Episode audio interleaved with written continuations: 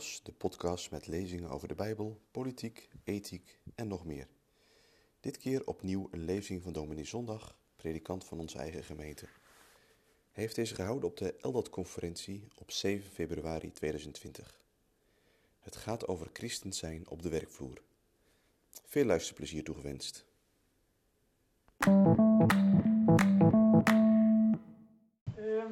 Ja, dank voor jullie uitnodiging. Ik vind het eh, aardig om eh, in jullie midden te zijn.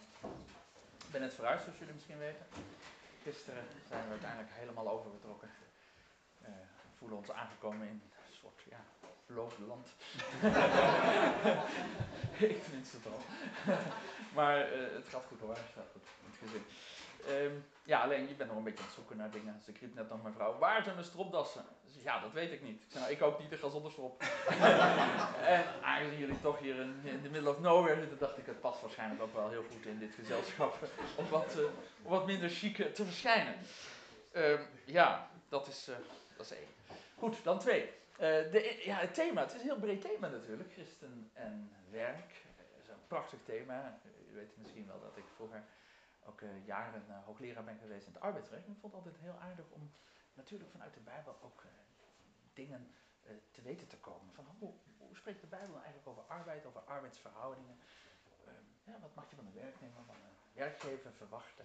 Natuurlijk, alles moet je in zijn tijd plaatsen. Je moet heel erg oppassen om zomaar ja, de, de sociale verhoudingen één op één te stellen met onze sociale verhoudingen. En denk alleen aan het fenomeen slaaf kennen wij hier niet meer, gelukkig niet. Slaven, allebei ook wel weer moderne slavernij. Ja, wat dacht je van de uitzendbureaus? nee, dat is een grapje. Maar eh, mensen die noodgedwongen eh, tegen een laag tarief, soms in erbarmelijke omstandigheden, inderdaad hun werk moeten doen. Uh, er zijn heel wat Polen die toch op een hele mensonwaardige manier worden gehuisvest. Van tijd tot tijd komt dat dan weer aan het licht.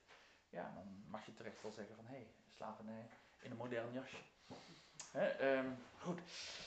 Ja, de Bijbel eh, kent dus, dus eigenlijk heel veel lessen op dat, op dat terrein. En misschien is wel de meest belangrijke les die heel onopvallend in de Bijbel staat. En dat is het zinnetje, Jezus, de timmermanszoon. Er is over nagedacht wat er eigenlijk staat. Jezus, de timmermanszoon. De zoon van Jozef, de timmermanszoon. De mensen zeggen, hoe kan dat? Hoe kan hij zulke dingen doen? Zo, zo bijzonder. Zijn woorden, zijn, zijn, macht, zijn machtige woorden. Hij spreekt als machthebbende. Uh, zijn daden, zijn wonderen. Hoe, hoe, kan dat? Hij is toch, hij is toch de ons zo bekende timmerman? Dat bedoelen ze ermee. Hij heeft het bedrijf van zijn vader, overigens als het pleegvader moet ik zeggen, overgenomen. En tot zijn dertigste is hij gewoon timmerman geweest. In het dorpje Nazareth op stadje. Ik hoorde eens een keer een dominee die daar een aparte preek over hield. Jezus, de timmermanszoon. Ja, hoe heeft hij zijn werk gedaan? Nou, in ieder geval heel goed. Want er is helemaal niemand die zegt, ik heb nog een appeltje met u te schillen. U heeft uw werk niet goed gedaan. En hoe durft hij niet dit te zeggen, terwijl hij zelf veel te hoge rekeningen stuurde. Nee, nee, hij was daar trouw in. Als je erover nadenkt, dat hij inderdaad woningen heeft verbouwd, woningen heeft gebouwd, deuren heeft afgehangen, eh, enzovoort. Ja, nou, ook wel weer een, een opsteker misschien, hè? als je je werk doet. Je denkt, de Zoon van God heeft dit ook gedaan. Nou, dat is, dat is, dat één element. En zo zou ik met jullie ook kunnen gaan naar de brief van uh, de apostel Paulus aan de gemeente van Efeze, waarin die voor heel veel groepen een, een belangrijke zienswijze meegeeft. Hoe ze met elkaar moeten omgaan. Ook voor de werknemers en voor de werkgevers. Je leest ook heel vaak aanbevelingen voor de slaven. Dat ze vooral niet in opstand moeten komen.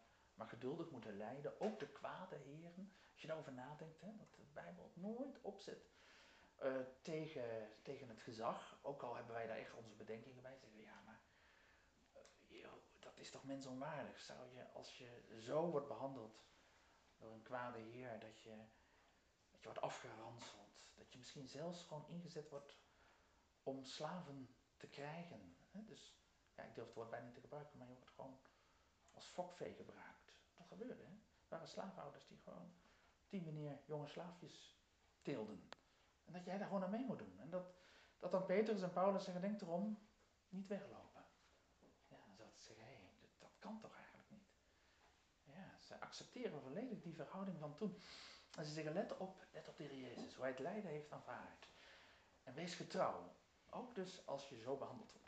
Nou, zo zou ik die lijnen kunnen trekken, maar ik doe dat lekker niet vanavond. Ik ga met jullie naar Jozef en naar zijn vaderen. Want daar liggen prachtige lessen in voor ja, hoe wij op de werkvloer met elkaar om moeten gaan. Ik heb het me ook een beetje makkelijk gemaakt, zal ik jullie eerlijk vertellen. Want eh, inmiddels een jaar of drie is het al ja, zo dat ik iedere keer een column schrijf in het blad van de RMU. Misschien heb je het wel eens gezien. En dat gaat over eh, de Bijbel en werk. Ik ben begonnen bij Abraham. En dat sloeg enorm aan. Dus dan probeer ik iedere keer een stukje uit dat leven te nemen. Abraham, Isaac, Jacob, Jozef. En ik ben nu net uh, eigenlijk uh, bijna klaar met Jozef. En dan ja, de vertaling naar nu. En mensen vinden dat heel aardig, dat zeg ik het zelf. Want ik, ja, ik weet dat omdat ik een keer iets anders had gedaan. Ik dacht, nou, dan ga ik iets geestelijker doen. En toen kreeg ik als reactie, de lezers willen Jozef weer terug. ja, en het is eigenlijk heel aardig als je gewoon echt je loop eens boven die tekst haalt. En je probeert je in te leven in die verhoudingen van toen. Dan gaat het leven. En ik, er is niets nieuws onder de zon, zegt Salomo. En dat is waar. Echt niks nieuws onder de zon. De dingen van toen spelen ook nu. En natuurlijk in een wat iets moderner jasje, dat is waar. Maar ja. Goed, eh, laten we eerst eens naar Abraham kijken. Hm? Abraham en Lot. Daar ben ik toen mee begonnen. Dat was mijn eerste column. Uh, ik moest, moest, een column schrijven. Het was eenmalig eigenlijk. Wil je een column schrijven over het harmoniemodel? Zei, nou, dat is goed. Ja, dan ga je dat doen. Nou ja, Abraham en Lot, dat is eigenlijk een hele aardige. Want wat waren die van elkaar? Nou, familie natuurlijk. Maar zij waren ook zakenpartners. Ze hadden allebei vee. En ze werkten nou samen. Maar dat gaat op een gegeven moment botsen. En we mogen toch geloven dat het allebei kinderen van God zijn. Ook Lot. Want we weten dat uh, Petrus uiteindelijk schrijft dat Lot zijn rechtvaardige ziel heeft gekweld in de stad Sodom. Dus dat hij wel degelijk een kind van God was. Alleen ja, niet echt een groot voorbeeld voor ons. Lot heeft, anders dan Abraham, toch zich te veel laten meeslepen door ja, toch wel eer, materialisme, meedoen. hij, hij heeft minder distantie bewaard dan Abraham als het gaat om zaken doen. Van Abraham weten we heel duidelijk dat hij afstand hield. Letterlijk ook naar de stad Sodom. Als de koning zegt, nadat hij uh, al die inwoners van Sodom heeft bevrijd, omwille van zijn neef Lot. En de koning zegt, je mag alles hebben, alleen spaar onze levens, geef ons ons eigendom terug wat betreft uh, ons lichaam, dat we geen slaaf hoeven te worden. Voor de rest mag u alles houden. Mag dat de oorlogsbuit zijn, want Abraham had recht op alles. Hij zou ze tot slaaf kunnen maken. En dan het wonderlijke dat Abraham zegt, nee, je mag het allemaal houden. Ik hoef er niks van te hebben. Abraham kijkt omhoog en zegt, God heeft mij gezegend. En, en ik wil door God gezegend worden. En dit, dit past niet in de zegen van God, dat ik dit nu zou nemen. Want God gaf mij die overwinning omdat ik Lot moest bevrijden. En ik wil alleen maar rijk worden als ik weet, dit is de hand van de Heer die erin meekomt. Nou, dat is een hele belangrijke. Hoe zou je inderdaad, uh, hoe zou je je goed willen ontwikkelen, bedrijfsmatig, als werkgever of als werknemer, zonder de zegen van de Heer. Je kunt een heleboel krijgen, je kunt misschien wel rijk worden, veel succes hebben, een goede naam krijgen. En dat toch de Heer zegt, maar dat was niet mijn zegenende hand. Het is mijn toelatende hand geweest. Toelatende hand. Maar ja, is dat genoeg dan voor je? Voor Abraham in ieder geval niet. Eh, Lot zat daar toch een beetje anders in. En het werd zijn afgod. Echt zijn afgod. Je ziet dat Lot steeds dichter bij de poorten van Sodom gaat wonen. Eerst nog eh, in de buurt van Sodom, dan vlak voor de poorten van Sodom. En dan op een gegeven moment woont hij in Sodom. En dan is de Heer echt klaar met hem. Is de gunst van de Heer dat, dat hij eruit gehaald wordt. Maar in een ogenblik moet hij beslissen om alles te verlaten als die engelen er zijn. En hij kan het niet. En dan moet hij die engelen echt meesleuren, meelot, de stad uit. En dan verliest hij heel zijn bezit, zijn hele bedrijf, alles. En toch, zijn ziel is gered. Ja. Alles verliezen om je ziel te redden. Maar even daarvoor gebeurt er iets. Hè? Jullie kennen het allemaal. Het is heel bekende geschiedenis, maar wel een, een, een leerzame geschiedenis. Er komt zoveel ruzie tussen die knechten van Lot en Abraham. En dat ging ook echt met handgemeen gepaard. Dat op een gegeven moment Abraham en Lot tegen elkaar zeggen: joh, wij moeten hier iets aan gaan doen. Hoe gaan we dit oplossen? Nou, dan kun je twee dingen zeggen. Je kunt zeggen: een christen moet altijd het probleem oplossen. Jij moet op je werk, als jij een conflict hebt met een ander, of een ander met jou, ja, het moet opgelost worden. Je moet samen verder. Stel dat je samen een bedrijf hebt. Stel dat er drie broers zijn die hebben een bedrijf. En, ik kan zeggen, ja, wij moeten met elkaar verder. Hoe dan ook. Dat is toch onze christelijke plicht. Dat ik eens even jullie vragen. Wie zegt, ja, zo is het. Dan moet je gewoon net zo lang aan werken tot je er weer uitkomt. Wie zegt, ja, je moet doorgaan. Niemand? Ja, toch wel één, ja. Kijk, onze advocaat. ja, jij wil geld verdienen, hè?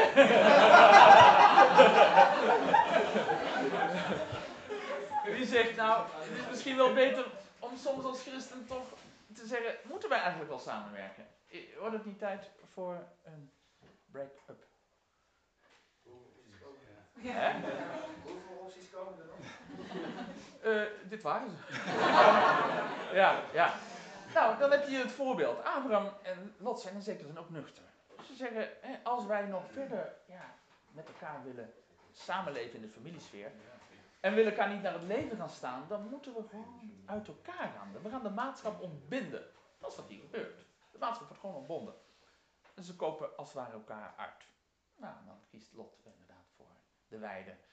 En eh, in de buurt van Sodom, die zeer vruchtbaar was, waarschijnlijk hè, vanwege de stoffen die daar in de grond zitten. Een heel vulkanisch gebied. En ja, Abraham neemt het overige, maar God gaat Abraham zegenen. Dus ja, ik zal jullie voorlezen wat ik schreef. Als na ettelijke pogingen om tot een goede samenwerking te komen blijkt dat het gewoon niet gaat, moet je soms eerlijk de vraag stellen of je wel op de langere termijn bij elkaar moet blijven. Ook dat is zoeken naar harmonie buiten het verloren paradijs. Ja, en je moet je überhaupt maar afvragen of je als familie eh, samen in één zaak moet zitten. Of dat wel zo gezond is kan goed gaan. Ja, ik zie er eentje al te glunderen. Echtgenoten. Uh, ja, maar kijk, dat moet je wel kunnen. Uh, ik, ken, ik, ik, heb een goede vriend en zijn vrouw weet werkelijk helemaal niets van zijn zaak af. Echt niets. Of het goed gaat of slecht gaat, dat weet ze gewoon niet. Hij zegt, ik hou ze overal buiten. En hij doet alles voor haar en zij, uh, ze floreert daar prima bij. Hij zei, ik, ja, die, nou dat is een hele strikte scheiding. ja, nou ja, goed. Ik heb dus ooit drie drie vrienden voor mij zien zitten, die heel goed hebben samengewerkt. Echt als vrienden, zat als campanen tegenover elkaar. Ja, waar ging het door? Waar ging het om? Om geld. Ja, geld. De ene is, werkt harder dan de ander. De een kiest voor het een en de ander voor het ander. De een kiest meer voor de privé. Ja, en, en dan, dan gaat dat wringen. En juist in familiesfeer is het vaak moeilijker om die dingen uit te spreken. En zie je ook heel vaak grote conflicten komen in de, in de rechtspraak is er zelfs een geval bekend, oh, dat kennen jullie misschien wel, een Hofman bedrijfsrecherche. Rechercheurs die je dus als private personen kunt inhuren. Vader en zoon die elkaar echt letterlijk de bedrijf hebben uitgevochten. Tot aan de hoge raad. Vreselijk als je dus als zoon tegenover je vader zou staan. Ja, dat moeten we niet willen. Goed, dat is les 1 voor vanavond. We gaan naar Isaac en de Filistijnen. Nu wordt het wat anders. Wat zien we? Ehm, als Isaac, de zoon van Abraham, ja, in het land van de Filistijnen uh, zijn schapen gaat weiden, gaat het hem erg voor de wind. Er staat, de Heere zegende hem. En het gaat zo steeds beter. Er staat dan, en die man werd groot, ja, werd doorgaans groter totdat hij zeer groot geworden was. Wat gebeurt er dan als je succesvol bent? Nou, er zijn er mensen die zeggen, knap, mooi, gun ik hem. Dat is een mooie oude. Maar er zijn ook mensen die zeggen dat gun ik hem eigenlijk niet. Succes wordt vaak misgund. Moet eens opletten. Het is helemaal niet zo slim om te vertellen dat dingen heel goed gaan. Want er zijn vaak mensen die dat niet kunnen hebben. Helaas. Dat heeft alles te maken met de zondeval. Dat we elkaar het licht in de ogen niet gunnen. Het is eigenlijk wel triest dat je soms naar collega's niet alles kunt vertellen. Dan denk je, ja, ik ben enthousiast heel goed eindejaarsgesprek gehad. Flinke opslag gekregen. Gaat eens mijn, eh, mijn beste collega vertellen. En die reageert eigenlijk heel verpikt. Huh? Ja. Herken je dat? Misschien heb je er ook wel een beetje last van. En denk, hmm, waarom ik niet? Waarom is zij of hij bevorderd tot leidinggevende of eh, die andere mooie positie, die had ik eigenlijk ook wel willen hebben. Hoezo ik niet? Dat je dat eens moeilijk vindt. Allemaal mensen. Ja, dus uh, soms moet je dingen ook maar niet benoemen. Hè? Nou, je ziet hier, als het, ja, als het gezien wordt, de Filistijnen worden echt jaloers. En ze gunnen het Isaac niet. Nou, kun je zeggen dat heeft alles te maken met heidenvolk en, en christen. Nou, kan er misschien mee te maken hebben gehad. Maar ze gaan het hem echt heel moeilijk maken. Iedere keer als Isaac een, bepaalde put heeft, dan pikken ze hem weer in, dan gaan ze ruzie maken, gaan vechten. En, wat doet Isaac dan? Zegt hij, ja, dat is mijn put. In die tijd was het zo, wat jij vond, was van jou. Zo, zo dat. Nee, dat doet Isaac niet. Isaac kiest iedere keer ervoor om de minste te zijn. Hij gaat weer weg. Je nagaan wat een schade die leidt, want zo'n put graven, nou, dat kostte een tijd en een geld dus. Uh, dat was een enorme investering. En toch kiest hij dan ervoor om schade te lijden. Dat doet hij verschillende keren. En dan komt hij op een gegeven moment bij één put en dan, ja, dan twisten ze niet. En dan noemt hij naam die put Rehoboth. En zeiden, want nu heeft ons de Heer ruimte gemaakt. En we zijn gewassen in dit land. De Heer krijgt de eer. Wat kunnen we hiervan leren? Uh, ja, moet je altijd op je strepen staan. Moet je altijd op je strepen staan. Is het niet beter om soms onrecht te lijden? Of misschien wel vaker. In je werk moet je altijd je gelijk halen. Iemand zegt, nou ik vind dat je dat niet goed hebt gedaan. Dan kun je zeggen, maar ik vind dat ik het wel goed gedaan heb. En je leidinggever zegt, ik vind dat ik het niet goed gedaan heb. Wel eens niet eens. Je zet je, je arbeidsverhouding op scherp. Het gaat minder goed lopen als je dat blijft doen. Waarom zou je dan niet beter soms onrecht leiden? Dan zeggen, nou ik ben het niet mee eens, maar goed, ik leg me erbij neer.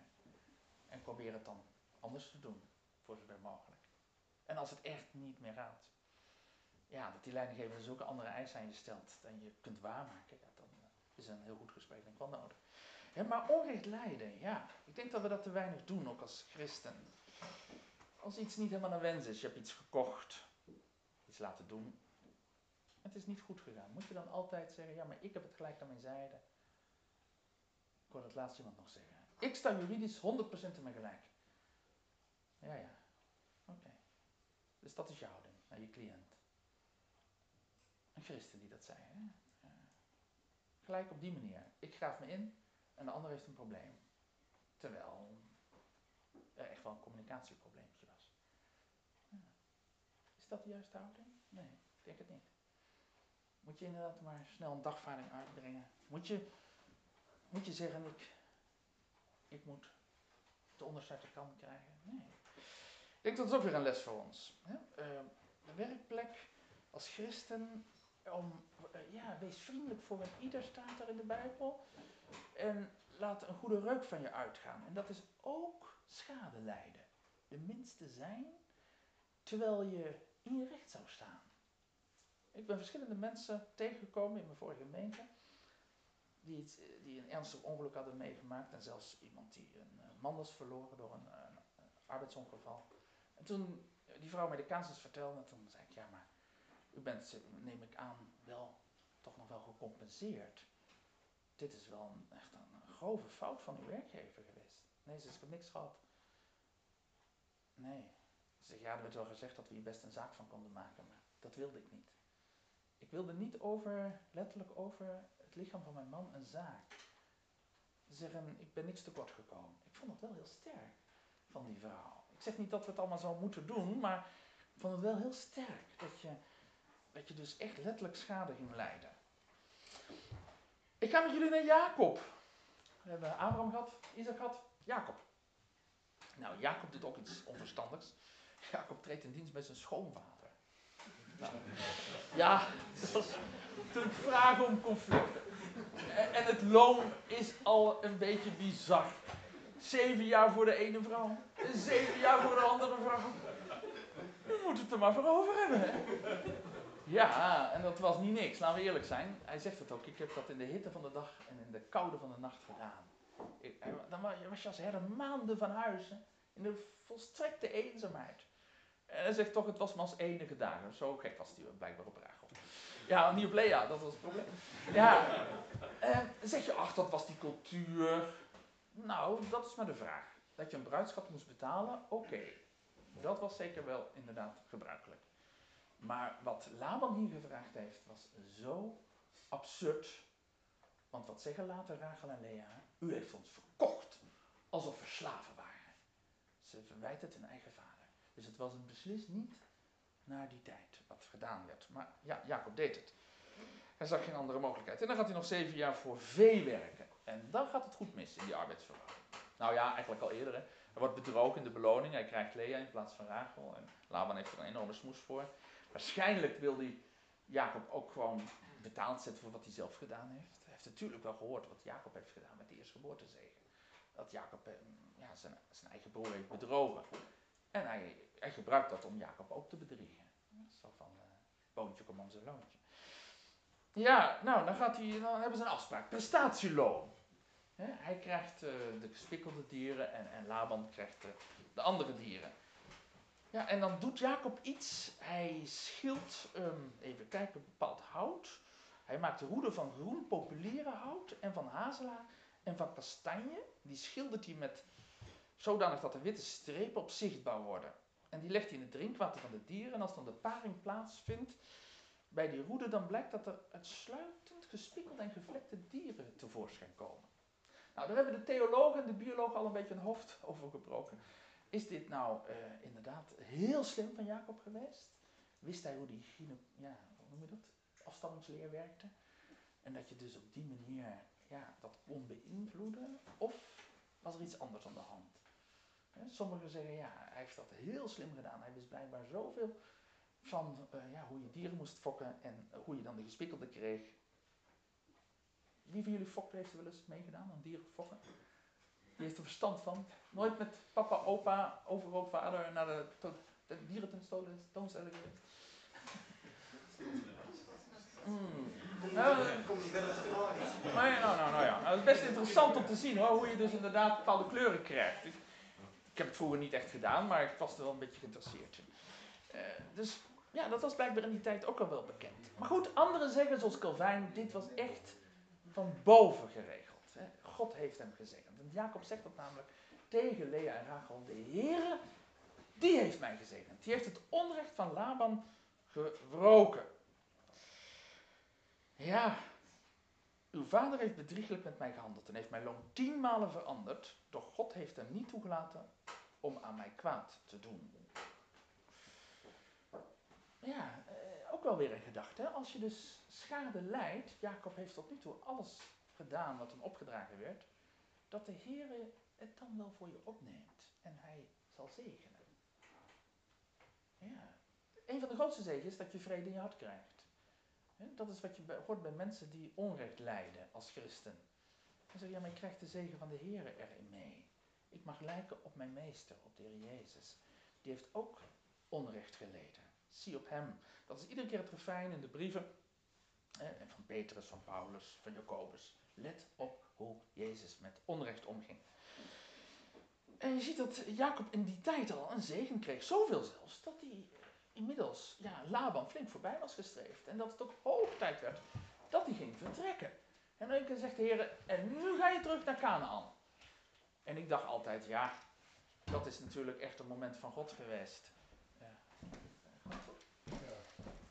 Dat is alleen het moment van God geweest. Maar waarschijnlijk was het ook tijd dat God die spanning heeft gezien tussen Laban en, en Jacob. En dat hij zag, nu wordt het tijd dat ze opbreken misschien zelfs ook wel vanwege die afgoden hè, die daar gediend werden. De terafim bijvoorbeeld. Hè. En ja, die ging ook invloed krijgen in het gezin van Jacob. En dat God zeggen, nou moet je wegwezen daar. Je moet terug naar het beloofde land. Ja, over prestatieloon, daar zouden we nog een heel verhaal apart kunnen houden, maar dat ga ik dan vanavond maar niet doen. Uh, is dat goed, is dat niet goed? Ja, ik denk op zichzelf is het goed als mensen extra beloond worden voor prestaties, maar je moet altijd oppassen dat die natuurlijk ja, een eigen leven gaan leiden. En dat, dat mensen zo gedreven worden door, uh, door geld, door de criteria die dan moeten worden gehaald, dat, ja, dat een uh, privéleven, maar ook het leven met de Heer onder druk komt te staan.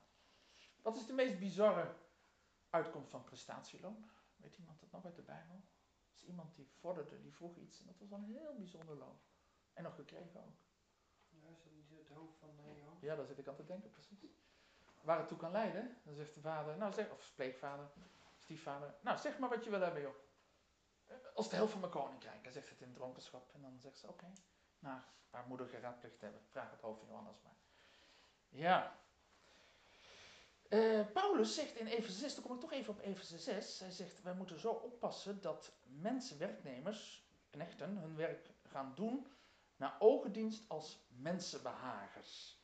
En zegt hij, werkgevers, jullie moeten de werknemers zo behandelen zoals de Heer met mensen omgaat. Ik citeer, en Heere doet hetzelfde bij hen, nalatende de dreiging, als die weet dat ook uw zelfs Heere in de hemelen is en dat geen aanneming des persoons bij hem is. Kort en goed, de Heer zegt, laat de werknemers eerlijk hun werk doen, zonder bijbedoelingen, dus geen slijmerij bij leidinggevers of werkgevers.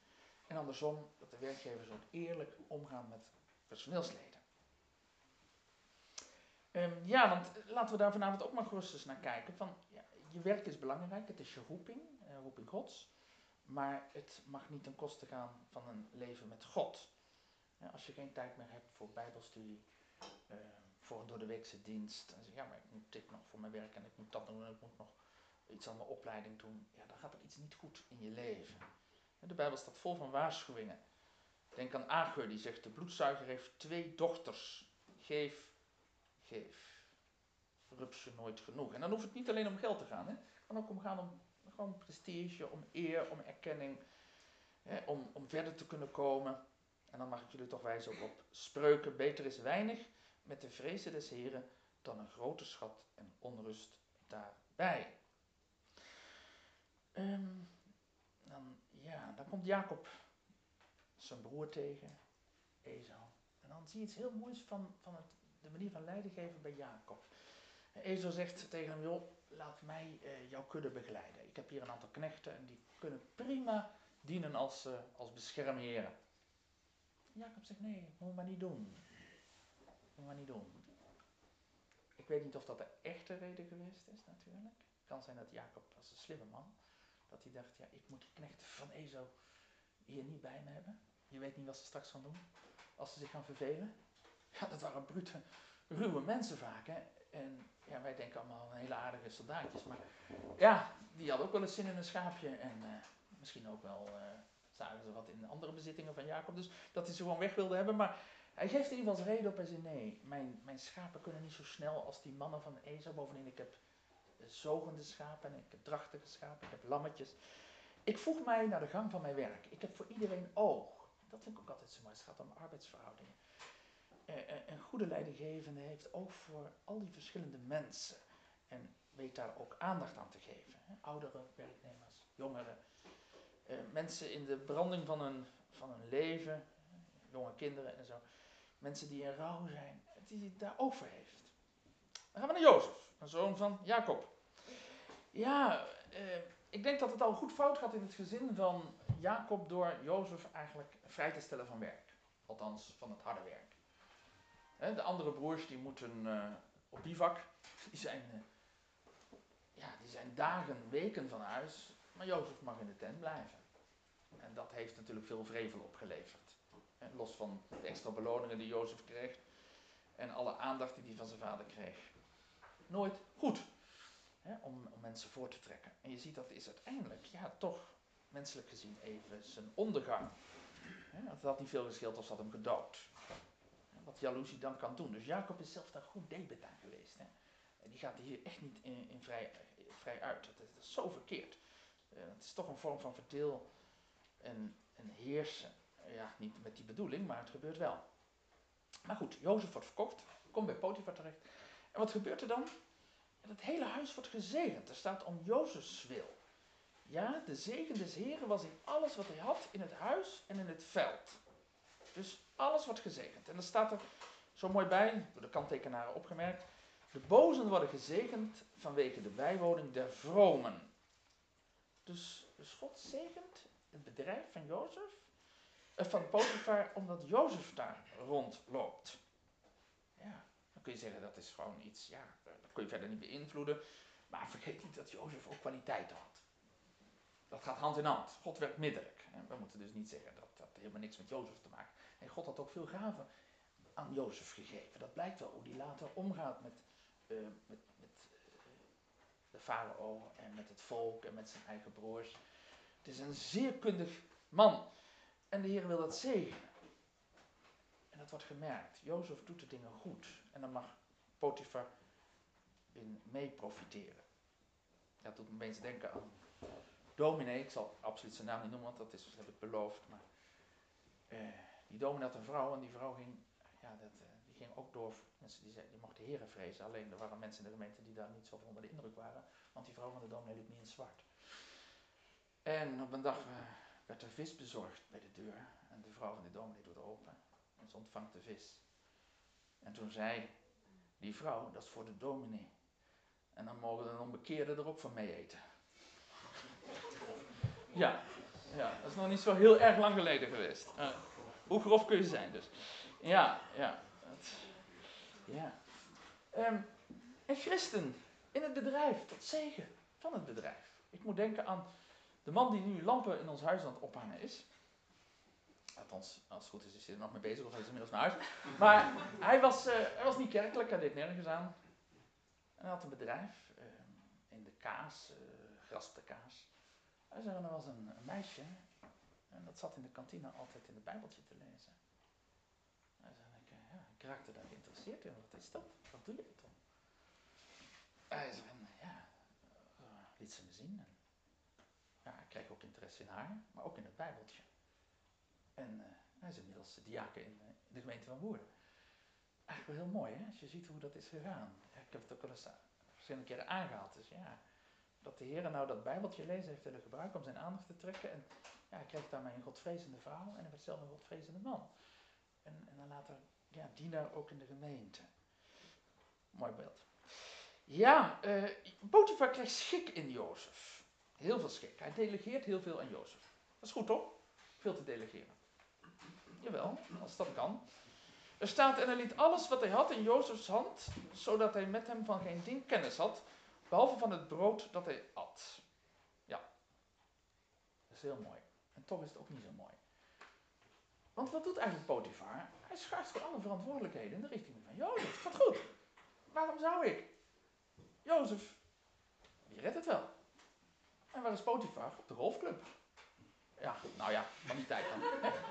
Ja, die, uh, die, die geniet van het leven. Zoals ze dat dan zeggen. Dus hij laat alles over aan Jozef. En dan gaat het goed fout. Want wat gebeurt er? Er komt een jaloezie opzetten onder de collega's. En dan zie je eigenlijk al een vorm van racisme. Of nou ja, ik weet niet of het racisme kan noemen, in ieder geval uh, discriminatie. Want wat zeggen ze tegen elkaar? Die Hebreeër. Heeft onze plek ingenomen. Hij was natuurlijk geen Egyptenaar. Dus er was al een kiem van, van verzet tegen, tegen deze Jozef. Maar ja, goed, ze durfden er nog niet uh, hardop iets mee te doen. Ja, en op een gegeven moment dan komt er een mogelijkheid. We kennen allemaal de geschiedenis van de vrouw van Potifar. Ja, zij wordt verliefd op Jozef. Moet een knappe jongen geweest zijn. Mogelijk is ook nog een andere reden geweest. Want als je naar de Griekse tekst kijkt, dan zie je dat Potifar, um, dat hij uh, een, uh, een enig was. Dus een gecastreerde man. Dus zij had waarschijnlijk helemaal geen uh, seksueel leven met hem. En dat kan wellicht ook een reden geweest zijn dat ze het zocht bij andere mannen. En waarom was Potifar dat? Nou, in die tijd als je een hooggeplaatst persoon was en je had toegang tot de, de kringen in het, binnen het hof, en dat had Potifar, ja, dan werd je gecastreerd. Want de farao moest er zeker van zijn dat je niet aan zijn vrouwen zat. En dan had je een hele makkelijke oplossing voor. Dan deed dat op die manier. Ja, er gingen ook heel wat, uh, uh, ja, door, uiteindelijk door, door infecties en zo, die stierven dan. En ja, je had wel een prijs te betalen daarvoor. En misschien dat het al heel jong gebeurde, hè, dat, dat zulke jongetjes daar voorbestemd werden voor een functie aan het hof. En dan was dat de prijs die betaald werd. Jozef blijft staande, een van de meest ja, opvallende episodes uit zijn leven als het gaat om zijn, zijn weerzin tegen de zonde. En hij zegt, hoe zou ik zo'n groot kwaad doen en zondigen tegen God? Ja, en uh, hij geeft ook aan dat hij zou zondigen tegen Potifar. Hij zegt, niemand is groter in dit huis dan ik En hij, Potifar, heeft mij niets onthouden dan u, daarin dat gij zijn huisvrouw zijt. Dus Jozef laat zien, als ik dit zou doen, dan zou dat getuigen van grote ondankbaarheid. Ik heb zoveel gekregen. En dan zou ik dit doen. Nee, dat, dat, dat kan niet. Dus, dus ook het, de erkenning die je hebt gekregen, de verantwoordelijkheid die je hebt gekregen, ja, daar past dankbaarheid bij. En hij kijkt omhoog naar zijn hemelse vader. Ja, en dan zie je uiteindelijk dat het goed uh, verkeerd gaat. Die vrouw blijft doorgaan, ze blijft hem bestoken. Ik heb daarin toen ook over gezegd of geschreven in de column eh, dat ook werkgevers, christelijke werkgevers, christelijke leidinggevenden ook voor moeten hebben. Wat gebeurt er op de werkvloer? Als je merkt hè, dat er mogelijk sprake is van meer dan een goede verhouding tussen twee collega's, ja, moet je daar dan toch niet wat mee gaan doen? Dan zeg ik vind het opvallend. Als het christenen zijn zeker, maar ook als het niet christenen zijn. Vind je dat nou goed wat jullie aan het doen zijn? Hè? Ik zie dat, dat jullie iets ja, van een verhouding met elkaar hebben, lijken te krijgen. Dus, uh, dat moet ook eerlijk besproken worden, ook in onze kring. Er zijn al heel wat ja, huwelijken kapot gegaan door ontrouw op het werk. Dat er een liefdesrelatie ontstond, dat is echt niet altijd de directeur met zijn secretaresse. Dat, is, dat begrijpen we allemaal. Maar dat er dus, ja, laten we eerlijk zijn, ja, eh, je bent altijd samen en thuis is het niet altijd zo romantisch. Maar op het werk, ja, collega's, altijd vrouwelijk, altijd invoelend, altijd gezellig, altijd zo'n glimlach voor je. Ja, dat is toch wel heel leuk eigenlijk. Ja, en van het een komt het ander. Nou, die glimlach gaat ook wel weer over. Maar vergeet dat. Ja, wees er ook heel reëel in. Dus, uh, ik heb eens een keer, dat vond ik heel mooi, ik kan dat in, in Dordrecht wel aanbevelen. Dat was een slikke veer, een mannenavond. Echt alleen maar mannen. Met een kampvuur. Op de werkplaats van de, van de broeders uh, Voorwinden, van Marco en Arjan. En ik mocht toen ook een lezing houden. het was geweldig. Uh, en we toen echt gewoon ja, op een hele eerlijke manier ook dit soort problemen met elkaar besproken en verleidingen. En dat was goed om dat te doen. Dat was, dat was goed. Met vrouwen moeten dat ook maar zonderling doen. en met elkaar gaat dat ook natuurlijk. Ja, ja. Maar dat is wel. Hè? Ja, dan de, de MeToo-kwestie. Ja, eh, laten we eerlijk zijn, Jozef zat wel in zo'n. Dat is MeToo-geval? Ja, hij werd seksueel bejegend, maar hij had geen positie om daartegen op te treden. Ja, wie zou hem geloven? Toch denk ik dat, uh, dat Potifar hem wel geloofd heeft. Waarom? Waarom zou ik dat denken? Wie? Dan was hij gelijk gedeeld. Ja, natuurlijk. Wat dacht je nou echt dat Potifar hem... Uh, die, die, heeft hem in de gevangenis zogenaamd vergeten. Nou, omdat hij ook wel voelde, dit is zo oneerlijk wat hier gebeurt. Hij heeft Jozef goed genoeg gekend en ik denk dat hij zijn vrouw nog beter kende. Ja, denk je, ik, ik, denk dat je als man wel heel veel boter op je hoofd moet hebben als je vrouw zo vreemd zou gaan en zegt, ik snap er helemaal niks van. Je kent je vrouw toch wel een beetje, mag ik hopen.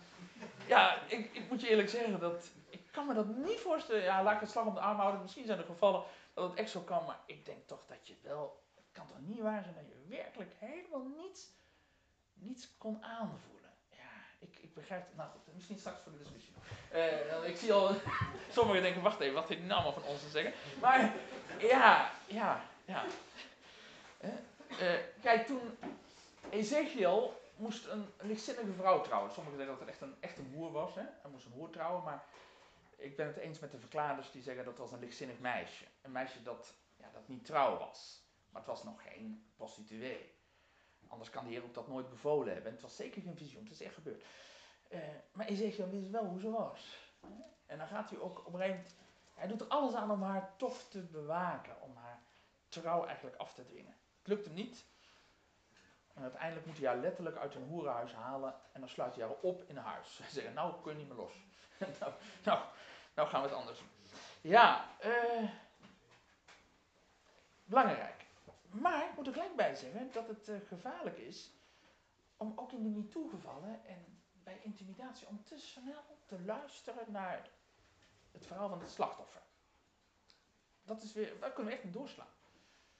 Eh, slachtoffers worden eigenlijk meteen geloofd. Oh, wat een, wat een, wat een schurk die dat gedaan heeft. Ja, daar moet je ook mee oppassen. Hè? En daarom is een zorgvuldig onderzoek heel belangrijk. En er zijn toch al heel wat gevalletjes inmiddels bekend waarvan bleek dat het niet waar was. Ik denk aan die rechercheur, die politieman, die van Schiermonnik ook geloof ik, of van Vlieland. Ik weet niet precies welk eiland. In ieder geval een eiland werd, per helikopter werd hij opgehaald. Omdat, die, omdat er een aanklacht tegen was ingediend. Ja, die man heel zijn carrière is kapot gegaan. Bleek gewoon niets van waar te zijn. Ja, dus eh, belangrijk om, om altijd goed horen en wederwoord toe te passen in verhoudingen. Wij doen dat wel te snel, denk ik ook in onderlinge verhoudingen. Als mensen verhaal hebben van, oh, we kennen iemand goed, ja, nou dat verhaal zal helemaal waar zijn. Maar denk erom, een verhaal heeft twee kanten. Eigenlijk altijd wel. Het kan eigenlijk nooit zo zijn, of bijna is het nooit zo, dat inderdaad helemaal dit ene verhaal is. Dus je moet eigenlijk altijd, voordat je echt kunt zeggen, oké, je hebt gelijk, moet je het ook van de andere kant gehoord hebben en nog eens met elkaar geconfronteerd hebben. Nou, dan zit je eigenlijk een beetje als mediator of als, zelfs als uh, schildbeslechter uh, zit je dan te werken. Um, oh, de tijd, jongens. Oh, ja, wij moeten denk ik... Uh, nou, ik ga nog even naar het laatste stukje. Uh, er zou een referentie over Jozef worden afgegeven door de schenker. Hè? Dan komt hij in de gevangenis. In schenker belooft hem, ik ga een goede referentie over je afgeven.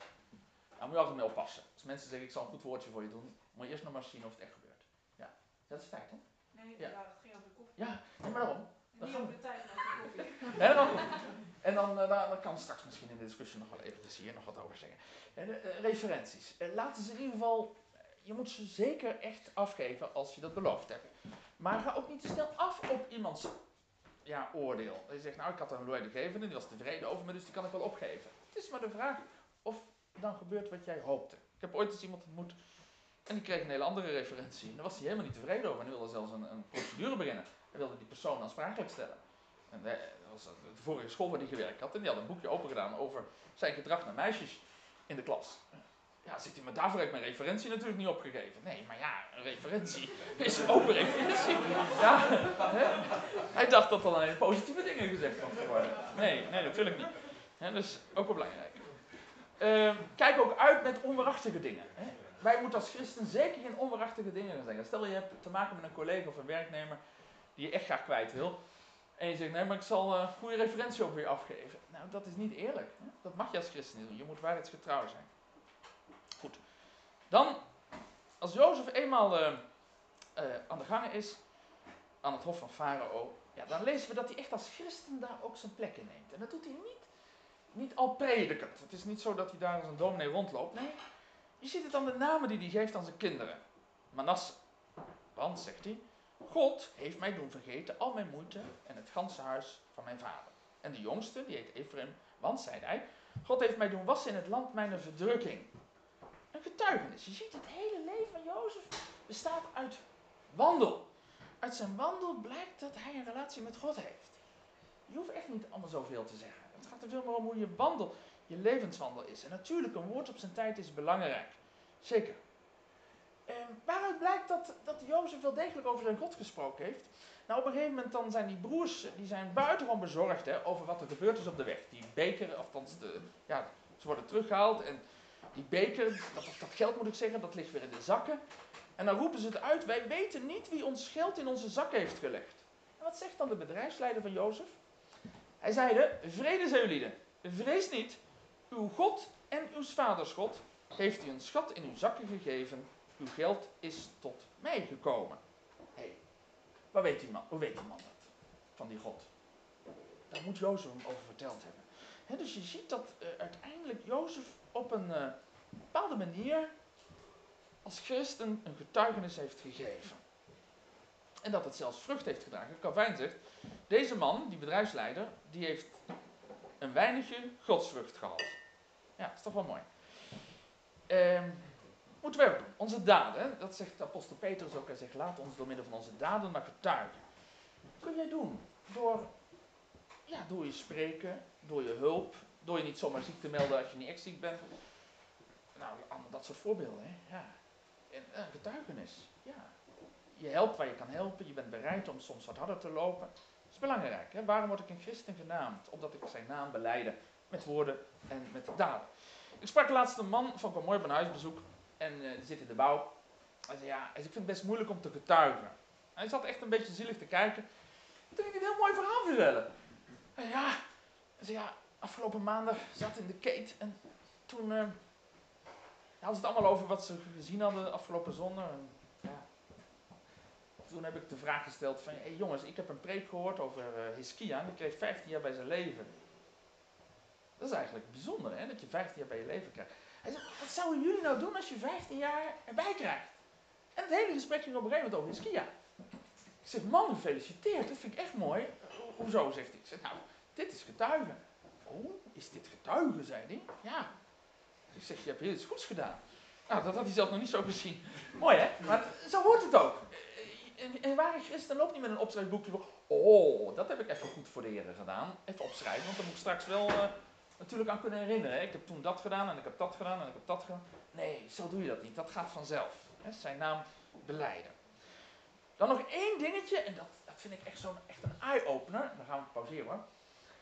Maar hebben jullie wel eens nagedacht over eh, waarom Jozef zich bekend maakt aan zijn broeders nadat hij de Egyptische mensen heeft weggestuurd? Waarom zou hij dat gedaan hebben? Dat is een heel voor de hand liggende reden, die mag je als eerste noemen. Emoties? Zijn emoties, dat past natuurlijk niet echt bij een Egyptenaar. Die, eh, kijk hoe de farao zat, hè, dat waren sphinxen. Je moest je emoties inderdaad niet zomaar tonen. Zeker. Dat zal een reden geweest zijn, maar er is meer. En dat heeft alles te maken ook met christen. Ja, ik ben er eh, op gewezen door Calvijn. Ja, Calvijn is echt mijn vriend hoor. Wat heeft die man altijd mooie inzichten. Hij zegt, vergeet niet dat Jozef de vuile was niet buiten wil hangen. Want dan zou iedereen weten, dit hebben de broers gedaan. Schande. Vreselijk. Denk je dat Farao die mannen nog ooit in zijn land wil hebben? Hij zal zeggen, Jozef, we gaan ze een kopje kleiner maken. Eh, dus dat heeft hij niet gedaan. Wij moeten dus de vuile was niet buiten hangen. Hè? Zo van, dit is, dit is wat er gaande is. Dit is wat er gebeurd is met mij. Kijk uit. Je wordt er vaak slechter van, zelf. Oh, dat is het derde. Jozef doet ook een beetje het eigen belang. Waarom? Wat is zijn belang hierbij? Om de vuile was niet buiten te hangen. Dat hij zijn vader wil zien? Ja, zeker ook. Maar nog iets? Zouden ze trots op hem zijn aan het hof? Iemand die verkocht is als slaaf en uit de gevangenis is opgekomen en nu onderkoning is. Is dat een mooie, mooie achtergrond? Nee, toch? Nee. Hè? Nee, best wel eigenlijk. Ja, wij zouden zeggen knap, maar in die tijd eh, dacht men wel een beetje anders. Zeggen we, hè? Dus eigenlijk is dit een, een, een losgelaten slaaf. Hmm, nee, nee, dus hij had ook eigen belang bij. Hè? Maar hier zie je dus, dit hoeven we ook niet uit te sluiten. Hè? Laten we altijd zorgvuldig zijn over dingen die negatief zijn. We moeten elkaars naaste eer bevorderen in dit opzicht.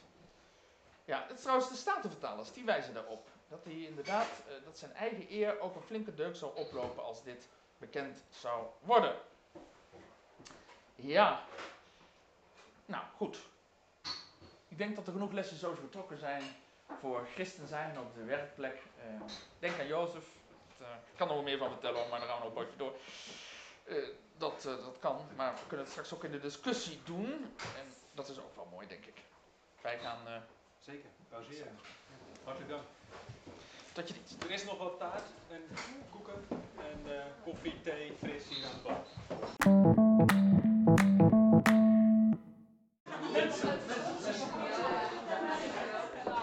Wij hebben, ja, hoeveel is het tien uur geweest al? We hebben heel lang gepauzeerd en dat was heel aangenaam, denk ik.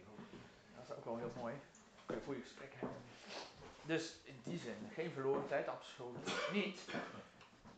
Ik denk zelfs dat het juist eh, een rijke tijd is. Als je elkaar informeel ontmoet, dan durf je ook eerder ja, eh, zielsvragen aan elkaar voor te leggen. Zo is het toch? Dat is vaak wel het moeilijke van eh, als predikant kom je over voor het eerst. Ja, je moet eerst een relatie opbouwen. Je kunt eigenlijk niet gelijk zeggen, nou, eh, vertel nou maar eens wat er allemaal in je hart leeft. Oh, moet ik zeggen, Dort valt best wel mee hoor. Mensen durven dat heel snel te doen. Dat vind ik altijd heel mooi. Maar ja, ja, het is nogal wat. Het is heel intiem natuurlijk. Het gaat over geestelijke zaken. Goed, ehm, wij gaan eh, toch nog even wat tijd besteden aan... Jullie hebben toch niet gerookt buiten? Nee, nee, nee. Oh. Auto's hebben we gedaan. Oh, dat is goed. We hebben gespeeld. Ja? Oh, Ja. oh, oké, oké. Ja, de roker. Oh, oh. Nou, die... eh dat we thema. nog- Ja, dat is een thema. Ja, nou, ik, toch wel, ik zal het nog eens een keer benoemen vanaf de kansel. Dat vond ik wel bijzonder, maar dat was een uitstapje dan even hoor. Eh, een huis, ik had een huisgemeente bijeenkomst bijgewoond in, ehm, in Peking. Dat was in het jaar 2005 denk ik ongeveer. Zoiets, 2005. En eh, heel verras, verrassend was dat. Uh, dominee Vergunst was er toen ook net. En die hadden ze uitgenodigd om om een dienst te leiden. En iemand die ik goed kende, die zei, joh, ga je mee? Gaan we naar die huisgemeente toe. En uh, nou, dat was heel verrassend. Die preek al, maar ook de preekbespreking die we daarna hadden. Allemaal in een kring. En iedereen moest vertellen, heel persoonlijk, wat heeft die preek met jou gedaan? Dus uh, de kring rond en uh, naast mij zat er iemand die heel goed Engels kon, die vertaalde alles. Op een gegeven moment een vrouw hartstochtelijk te huilen. Ik zei, nou, wat zou er zijn? Ze zei, ja, die vrouw uh, vertelt dat ze weer gerookt heeft. En dat is een zonde. Een hele erge zonde vindt ze. En ja, en daarom, ja, ze zegt, ik heb beterschap beloofd aan God en dan heb ik het toch weer gedaan. Daar ga je dat. Dus ik heb het een keer van de vakantie zo verteld. Dus ik dacht, nou, in ieder doe ermee wat hij uh, ermee wil doen. Nee? Ja. Wel, mooi, hè? Ja. Dus, dus, maar ik vond sowieso dat, die manier van trainen wel heel mooi. Wat heeft die preek met jou gedaan? Ik dacht, dat is wel gemeente zijn natuurlijk. Als je zo dicht bij elkaar kan komen. Goed. Uh, wij gaan nu met elkaar even nadenken nog over dat christen zijn op de werkplek. Vanuit wat ik net gezegd heb mag je iets op laten komen. Het mag ook iets breder, maar kijk uit, morgen heb je workshops. En ik wil natuurlijk ook niet het gat van de andere inleiders opeten, wegmaaien. Uh, Zo aardig mee bezig.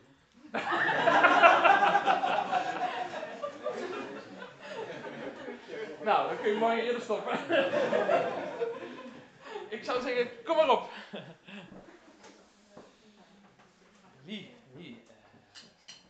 misschien kunnen we het een beetje laten bij wat we vanuit Jozefs leven hebben gezien. En dan uh, blijft dat toch binnen een bepaald perk. Nou, misschien, uh, u, noemde dat over dat Jozef bewust niet de, de vuile was buiten hing. Um, er zit natuurlijk ook wel een beetje een andere kant aan. Zeg maar dat. Um, ik denk ook niet dat het goed is dat we een soort van um, muur om ons heen bouwen. Omdat ja, een beetje de buitenwereld ja, denkt dat wij een soort van perfecte mensen zijn of zo. Mm -hmm. um, ja, dat is een beetje een, een, gevaar denk ik ook dat daarin zit. En dat we ook een beetje ons kwetsbaar op moeten kunnen stellen, ook naar de onkerkelijke buitenwereld. Hoe, hoe zie je dat? Een stukje kwetsbaar zijn. Ja. Ja, wij moeten als. Kijk, ik was een keer um, in een groep. Ik was als, toen al predikant. En uh, in die groep was een, uh, een, iemand die was getrouwd met een belastinginspecteur. En die, uh, nou, toen hoorde dat ik predikant was, toen zei hij, nou, wat zijn eigenlijk die kerken? Vreselijk. Hij zegt, mijn, mijn vrouw is belastinginspecteur en ze zegt in Amsterdam zijn ze eerlijker dan op de Bijbelbelt. Dat was even zo. zo kan. Dat je dat meemaakt. Ik zeg, ik weet niet of dat echt zo is. Zeg maar, denkt u dan dat ik daar niks van zeg als predikant vanaf de? Ik zeg, wij zijn heel uh, streng naar elkaar als het goed is ook. Dan zeggen dit mag dus niet. Als u fiscaal oneerlijk bent, dan bent u niet als een christen bezig. Oh, zegt hij, dus dat doen jullie wel. Zeker. Oh, nou dat is voor hem een eye-opener. Oh. Dus inderdaad, laten we wel uh, ook uh, aangeven, van, inderdaad, ook bij ons gaan de dingen verkeerd. Maar daar wijzen we elkaar ook op. En daar moeten we ook op aangesproken kunnen worden. En dat is belangrijk. Ja, ja eerlijk zijn daarin. Uh, nou, laatst die SGP-zaak. Uh, van die SGP, wat is het ook weer, dat Koe geloof ik, hè? Dat, um, uh, nou, hulp aan Oost-Europese ja. landen. Hè? Toen was die voorzitter een beetje in discrediet gekomen. En toen had, was er een rechter gevraagd om dat onderzoek te gaan doen. En die rechter belde mij op en zei, joh, wij kennen elkaar goed, zou jij dat met mij willen doen? Oh, leuk bijbaantje. ja, leuk zaakje eigenlijk. Dus zei, ah, ja, lijkt me wel wat. Ja, nou. Maar ja, goed, toen belde de, de voorzitter mee op van de SGP. Ja, ja, ik weet niet of dat wel zo'n goed idee is dat, dat je dat gaat doen. Want ja, eh, als predikant sta je natuurlijk wel heel dicht bij ons. Ja, ik ben ook lid van de SGP. Tenminste, ja, nog wel. Toe. ja hoor. Uh, ja, kijk, uh, ja, vroeger zaten we er ook zelfs in de Tweede Kamer. Wat een... Uh, Kersten, die, die had dat leuk voor elkaar hoor. dat, toen, toen gebeurde dat nog. Maar ja, dat is allemaal, allemaal ver, ver verleden. Maar je mag hem wel op de lijst staan. Um, ja, hij zei, dat moeten we eigenlijk niet doen. Hè. We moeten eigenlijk toch misschien ja, een externe. Of wat dacht je er zelf van? Ik zei, nou, je hebt een heel goed punt. Ik moet dat helemaal niet doen. Dat is inderdaad achteraf ben ik ook heel blij, want het schijnt toch heel veel tijd eh, gekost te hebben. En uiteindelijk is die tweede man nu iemand geweest uit de voetbalwereld, een jurist. Ja, maar wel beter. Twee, eh, ja, gewoon onafhankelijke mensen eh, vanuit de wereld die gekeken hebben van hoe gaat het er aan toe. En hun conclusies waren, nou, het is niet zo erg als dat het gesuggereerd wordt. En er kunnen wat dingen verbeterd worden, maar het is zeker niet zo dat het helemaal fout is binnen de SGP. Nou, dan denk ik, goed zo. Stel je maar kwetsbaar op. Inderdaad, dan heb je een verhaal naar de buitenwereld. Maar het kwetsbaar opstellen, dan, dat is dan de uitkomst.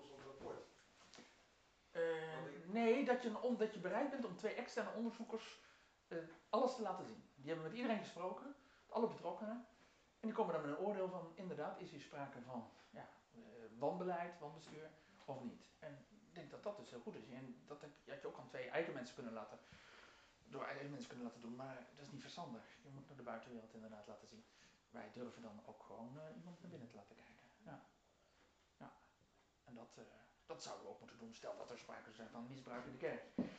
En dan moet je ook bereid zijn dat de externe eventueel kijken van wat is hier aan de hand. Maar dan zijn we vaak heel bang. Ja, maar we graag in eigen hand aan houden. Maar ik denk juist dat het goed is als, er met frisse blik naar gekeken wordt. Ik heb om die reden wel voorgesteld, waarom maken we niet een, een pool van mensen van, die zeg maar in kerkelijke geschillen eh, ingezet kunnen worden, die uit andere kerken komen, zodat je bijvoorbeeld eh, nou, iemand uit de PKN of uit de CGK kijkt in de griff met de gemeente, en andersom kijken wij bij de CGK of bij de, dan heb je ja, veel meer afstand. Dan kun je zuiverder kijken naar elkaars handelen. Nu zit je toch altijd, ja, je kent elkaar toch al een beetje. Dus, eh, maar zover is het nog niet. Wie weet. Ja, ja. Maar hebben jullie wel eens dat zelf meegemaakt, dat, dat we niet bereid zijn, of dat vanuit kerkelijke kring men niet bereid is om zich kwetsbaar op te stellen in dat opzicht? Zeggen, ja, maar dat moeten we, moeten we vooral niet, niet verder laten onderzoeken. Moeten we maar in de doofpot stoppen. De doofpot is nooit goed, hè? Echt, eh, Dat is nooit goed. Dat zie je, dat komt op een gegeven toch tevoorschijn. Dat zie je bij kerkelijke kwesties, zeker als er een predikant bij betrokken is. Ik zal geen namen noemen, maar je ziet wat er gaat gebeuren. Dat gaat koken. Dat komt, eh, dat gaat overkoken. En je ziet soms voorzichtigheid. Dat mensen dan eh, denken, nou ja, eh, niet te snel erop zo duiken of weet ik veel. Nou ja, dat is weer een ander punt. soms wel heel, zo'n proces heel lang duurt. En dat je dan soms als leek dan denkt van nou, eh, had dat niet wat sneller gekund. Ja, ik weet nooit wat wijsheid is dan, want eh, ik zou heel snel zo Het is wel goed dat je zegt, ik weet niet wat wijsheid is. Want soms moet je ook, eh, inderdaad, moet je de tijd nemen om dingen goed te onderzoeken. Hè? Ja, ja, het is niet zo, zo slecht als snel knopen doorhakken in procedures waar je niet alle betrokkenen goed gehoord hebt. Hoor en wederhoor is een fundamenteel beginsel. De Romeinen hadden het al, kernbeginsel. En daar moet je echt tijd voor nemen. Als je dat niet doet, dan kan iemand beschadigd eruit komen. En ja, wat ik al zei bijvoorbeeld bij seksuele intimidatie. Stel dat, dat je heel snel conclusies trekt, ja, dan zal het wel zo zijn. Je zet iemand op non-actief en er blijkt niets van waar te zijn. En zo iemand gaat, en je hebt die non-actiefstelling ook al bekendgemaakt, wat dat betekent voor iemand. Hoe ga je dat, eh, dat herstellen? Dat eh, Ik moet denken aan, eh, ook was een artikel natuurlijk in de krant stond dat eh, als een inspectie was gedaan op het onderwijs. Van oftewel een goed burgerschapsonderwijs wordt gegeven. Dat is ook een voorbeeld van, je kan dan als scholen heel erg open ook daarin over zijn van hè, hoe wij over bepaalde dingen denken. Maar misschien eh, wordt het ook wel heel erg van geprikkeld op gereageerd. Dus, dus is, het, is dan die openheid zeg maar, altijd goed of moet je daar dan ook op een bepaalde manier mee omgaan? Eh, hoe bedoel je precies? Eh, Die prikkeling, omdat dat, zeg maar, inspecteurs waren gekomen, onaangekondigd en eh, hele intieme vragen hadden gesteld aan die leerlingen. hè? Daar werd ja, ook, ja. ja, ik zit zelf in de raad van toezicht van de Driestar en daar hebben we het ook Ja. over, over deze kwestie gehad. Dat het toch wel, komt, je schuurt wel erg tegen de godsdienstvrijheid, omdat ze echt kwamen met, het leek wel met een vooropgevuld doel. Mhm. Van, wij gaan eens kijken of, ja, of zeg maar, homoseksualiteit wel voldoende ruimte krijgt binnen de school. Dat was toch wel, zo werd het wel geproefd en gevolgd. Men ging daar heel ver, we gingen ook zoeken op de computers eh, naar dit soort termen. Dan zeg je, ja, maar om, of daarop gegoogeld werd en dergelijke. Dat, eh, wel heel erg gericht op dit ene aspect. Omdat ze toch wel weten ja, hoe er tegen aangekeken wordt vanuit eh, onze visie, vanuit onze Bijbelse visie. Dat, dat raakte denk ik vooral de scholen. En dan mag je ook op, opkomen, denk ik, voor, voor je, hè, waar je dan zelf voor staat. Niet- Ja, nou, dan krijg je inderdaad het- als Dat is het punt. Je hoeft niet als een. Kijk, aan de ene kant moeten wij onrecht willen leiden, bepaalde punten. Aan de andere kant mogen wij ook eh, bepaalde rechten claimen. Dat wordt in de Bijbel ook gedaan. Hè? Eh, als Paulus verschillende keren zegt, Paulus, wacht even. Wacht even. Ik ben Romeins burger, hè? Dat gaan we zo niet doen. Hè, Hij beroept zich op de keizer. Hij stelt hoger beroep in.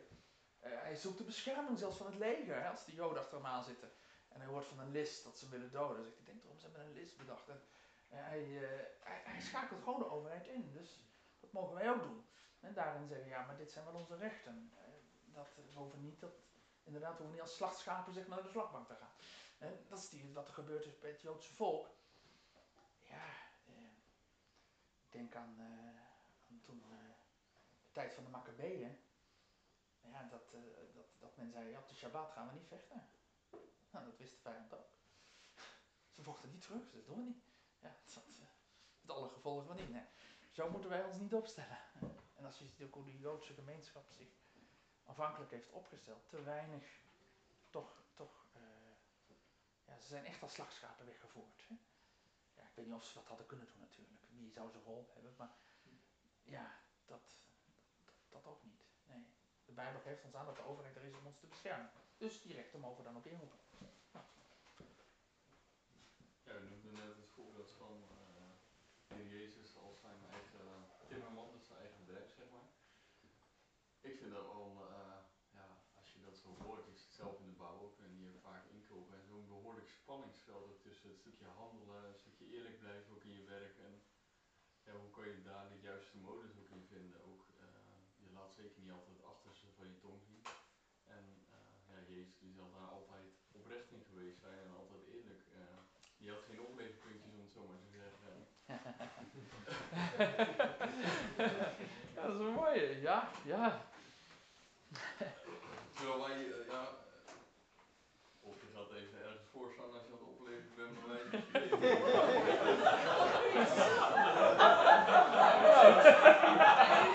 Ja, maar het gebeurt gewoon, hè? Ook met inkopen. Ja, ik weet waar ik de volgende keer moet kijken. Dus laat nooit verbouwen. Ja, ja, ja. overal, hè? Nou, ik Nee, bij christelijk bedrijf misschien, ja, dat gebeurt ook. Dat zie, dat zie Maar ook. Ja, het doet me denken aan die dominee die eh, een, een, een werknemer, een knecht had, die, mensen, de tuinman die kwam daar de tuin doen, maar die pikte iedere keer zijn aardbeien. Die dominee had het te lang gezien.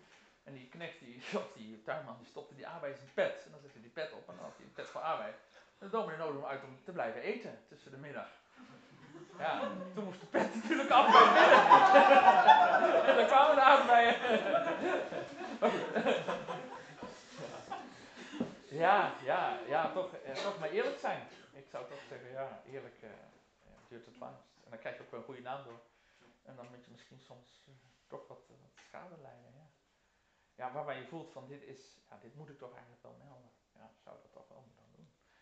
Ja, als je echt zegt, ja, maar dit is, eh, dit- uiteindelijk is het helemaal geen enkel nadeel, maar ja, eh, ik kan dat niet voor goed beoordelen, maar inderdaad stel dat er iets in de constructie zit en zeg je, ja, maar dat is net zo sterk en dat verder niet te zien, ja, dan eh, is de vraag of je dat moet, zou moeten doen. Maar hoe ga je er dan mee om met een bedrijf wat eigenlijk al moeilijk zit qua geld en jij bent eh, Ja. hoofdaannemer en hun zijn onderaannemer en Oeh. hebben hun werk niet goed gedaan.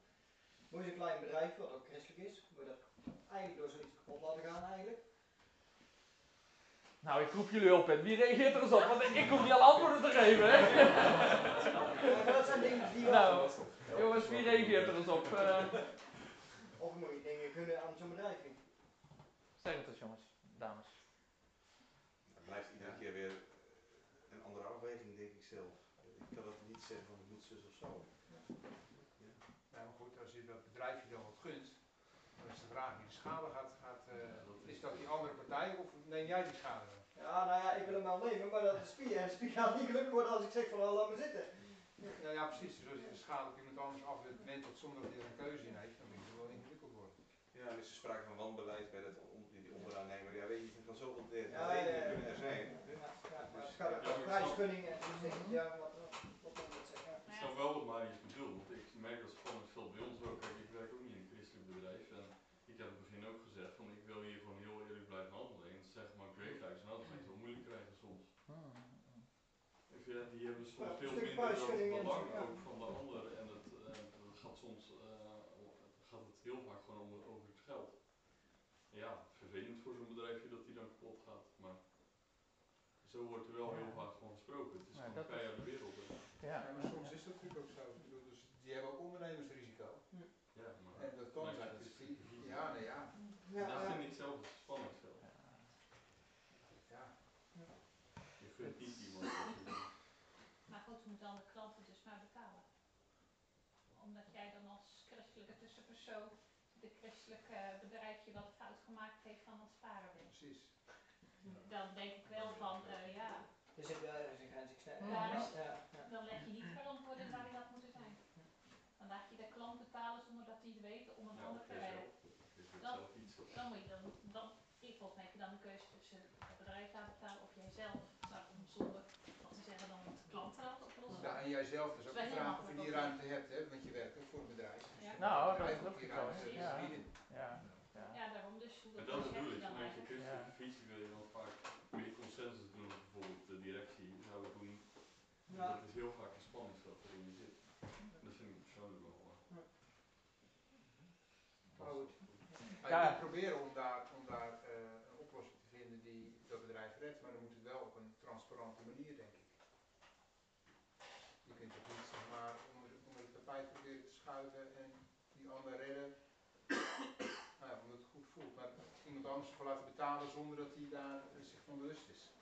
Dat doe je dan eigenlijk. Ik moet denken aan Jozef. Eh, op een gegeven moment dan zie je dat er honger uit, hè, die die breekt uit en ja, eh, het, is, het is verschrikkelijk. Mensen willen alles geven voor eten. En dan is het geld op. En dan zegt Jozef, nou kom maar met je vee. Dan denk nou, best wel een beetje hard, al je vee kwijt. En dan zeggen ze, ja, maak ons maar slaan. Dan zegt Jozef, ik heb een ander idee. Kom maar met je land. Betaal maar met je land. Nou, dat is ook een, je zou zeggen, woek, toch met je woekenprijs was het land geruild voor eten. Maar Jozef zegt er wel bij, jullie krijgen het land terug in erfpacht. Mag het pachten. En dan maakt hij een verdeling. Hij zegt, jullie krijgen vier vijfde en één vijfde is voor de farao. Dus een rendement van 20% voor de farao. Eigenlijk best wel. Het is uh, sale and lease back zouden daar economen vandaag de dag zeggen. Ik vind het schappelijk. Ja, hè? Ik heb 50% betalen tegenwoordig. Ja. Dit is, eh, is, da- is dan de, de, de, rente eigenlijk die betaald wordt. Is het eerlijk, wordt dan wel eens gevraagd. hè? En dan ja, weer even naar Calvijn, dat vind ik wel aardig. Dan Calvijn, ja, maar dit is toch wel een hele billijke verhouding. Hij zegt, ja, we moeten niet vergeten, ik denk dat voor die tijd is dat een billijke verhouding. Hij zegt, we moeten ook niet vergeten, Jozef handelt niet voor zichzelf. Hij doet het voor de farao. Hij is ook in dienst. Hij moet de belangen van de farao behartigen. Hij zou misschien zelf wel meer hebben willen geven. Maar dat mag hij ook niet doen. Dus hij heeft het ongetwijfeld met de adviseurs van de farao besproken, misschien met de familie van de farao. Hoe gaan we dit doen? En dit is eruit gekomen. En wij weten dan, dit is de, uit, de uitkomst. En misschien heeft Jozef een enorme inbreng gehad in zo'n redelijke uitkomst. Want uiteindelijk is hier iedereen bij gebaat. Dus een, en mensen kunnen hiermee leven. Alleen ze zijn wel een land kwijt qua eigendom. Maar ze mogen het gebruiken en ze kunnen zichzelf er goed van bedrijven. Ja, eigenlijk wel, dat vind ik ook wel eh, een eye-opener. Hij kon ook niet zomaar alles doen. Hij moest dat, uh, moest dat ook verantwoorden. En Dat het, doel, en het doel was om te overleven. Dat is Ja. iets anders dan alleen maar om mezelf te verrijken. Dus het was niet eenzijdig. En dat is ook zo. En dan zegt Calvijn er ook bij, dat is ook wel een puntje natuurlijk. Zegt, ja, iedereen heeft de kans gehad om dit ook te doen. Maar ze hebben het niet gedaan. ja, ze wisten, er, ko- er komt een zware tijd aan. Daarom ging Farao alles opkopen. En de mensen hebben het voor mooie prijzen verkocht. De overvloed. Ze hadden natuurlijk ook met elkaar dat in schuren kunnen opslaan. Dat hebben ze niet gedaan. Ze hebben dus de korte termijn winsten gepakt. En ja, eh, ook wel een aardige gedachte. Ja, maar Dus- is, is dat zo bekend geweest? Eh, ja, het werd door gans. Egypte werd dat verkondigd van eh, de, de opkoopregeling. De uitkomst van, van, van Ja, het wel de opkoopregeling, maar ook dat het over zeven jaar, zeven jaar zijn. Eh, dat kan ik niet met zekerheid zeggen, maar Nee. ik, ik, eh, ik neem Ja, aan ik dat heb het, dat een beetje duurzielig gevonden dat het namelijk. geen staatsgeheim is geweest. ja, ja, Ja, ja. Is dat zo? Ik bedoel, kijk, Jozef Nou ja, de mensen maar- vader geweest. Maar- wel een vader met voorkennis. Handelen ja, ja. Nee, dat is ook wat. Ja, maar dat is ook weer een mooie. hè? Ja, ja, ja, ja. dat denk ik altijd. Ja, Ja. Jozef, het- natuurlijk, het eh, het was natuurlijk heel mooi en alles, maar als je erover nadenkt, na zeven jaar is iedereen slaaf in Egypte. Nee, van Nee, dat zijn geen slaven. Kijk, zo. Nee, ze zijn geen 39, ze het zelf. Ze zijn wel dankbaar. hè? Nee, ze zijn geen slaaf. Maar is het niet net zo dat die hongersnood als een economische crisis tegenwoordig komt, zou ik maar zeggen? En dan kom ik even terug. Eh, ze bieden zichzelf aan als slaaf, maar Jozef gaat daar niet op in. Hij zegt, kom maar met je land. En, ja, en, als eerste. En daarna koopt hij ook hun en dan deelt hij het volk over de steden. En een deel geeft hij dan inderdaad dat land. En dan zegt, doet hij die 80-20% eh, procent regeling. En de rest zegt dan tegen hem. dat, eh, dat is nieuw voor mij hoor, dat ze echt wel slaaf opkoopt. Wel inzetten altijd voor, de, voor werk, maar niet dat ze echt... eh, Nou, is nog niet klaar met Jozef, toch? nee, daarom, dan ga ik nog verder. dat is heel opvallend. Ja, oké. Toen zei Jozef tegen het volk, zie ik heb heden u en uw grond voor de farao gekocht. En dan zeggen zij, u hebt ons in het leven gehouden, laten we genade vinden, wij zullen slaven van de farao zijn. Nou, en dan staat er dat hij dan mensen over de steden verdeelt. En een deel doet hij dan die regeling die u dan noemt. Maar ik heb altijd wel gedacht van, nou ja goed, kijk, natuurlijk, de positie van Jozef wordt wel heel duidelijk voor de farao natuurlijk in zijn voordeel. En dat was natuurlijk heel mooi voor het volk Israël.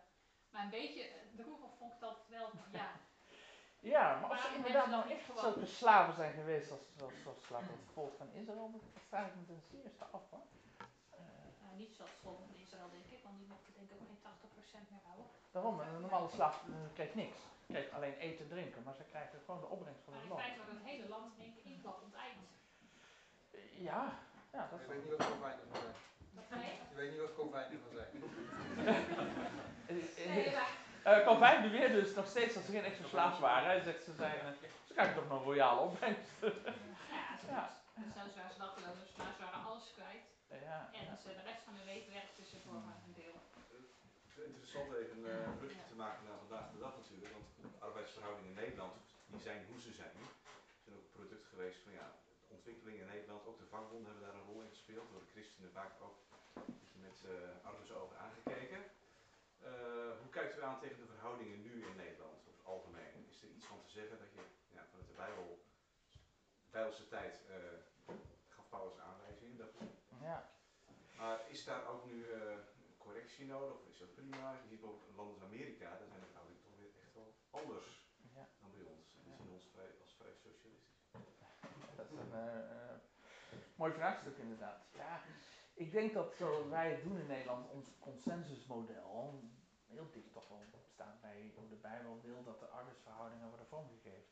En toch uh, niet in het conflictmodel, maar veel meer samen naar, uh, ja, naar uh, een goede verdeling, een goede oplossing zoekend. En dat zie je natuurlijk door onze SER en STAR en de collectief overleg, vakbonden en, en, en werkgeversorganisaties. ja, je ziet ook dat er in Nederland weinig gestaakt wordt. Dat is natuurlijk wel typerend voor hoe wij het hier doen. Ik denk dat dat Bijbels is, dat is wanneer vaak gestaakt wordt, er veel stakingsdagen zijn.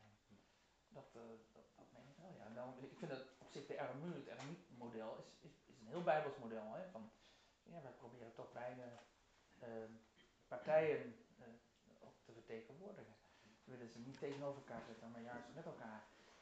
Ja, als dat zo ook kan, als je ook in een bedrijf ziet van ja, je hebt mensen die kapitaal erin stoppen en meer, mensen die meer de arbeid erin zetten.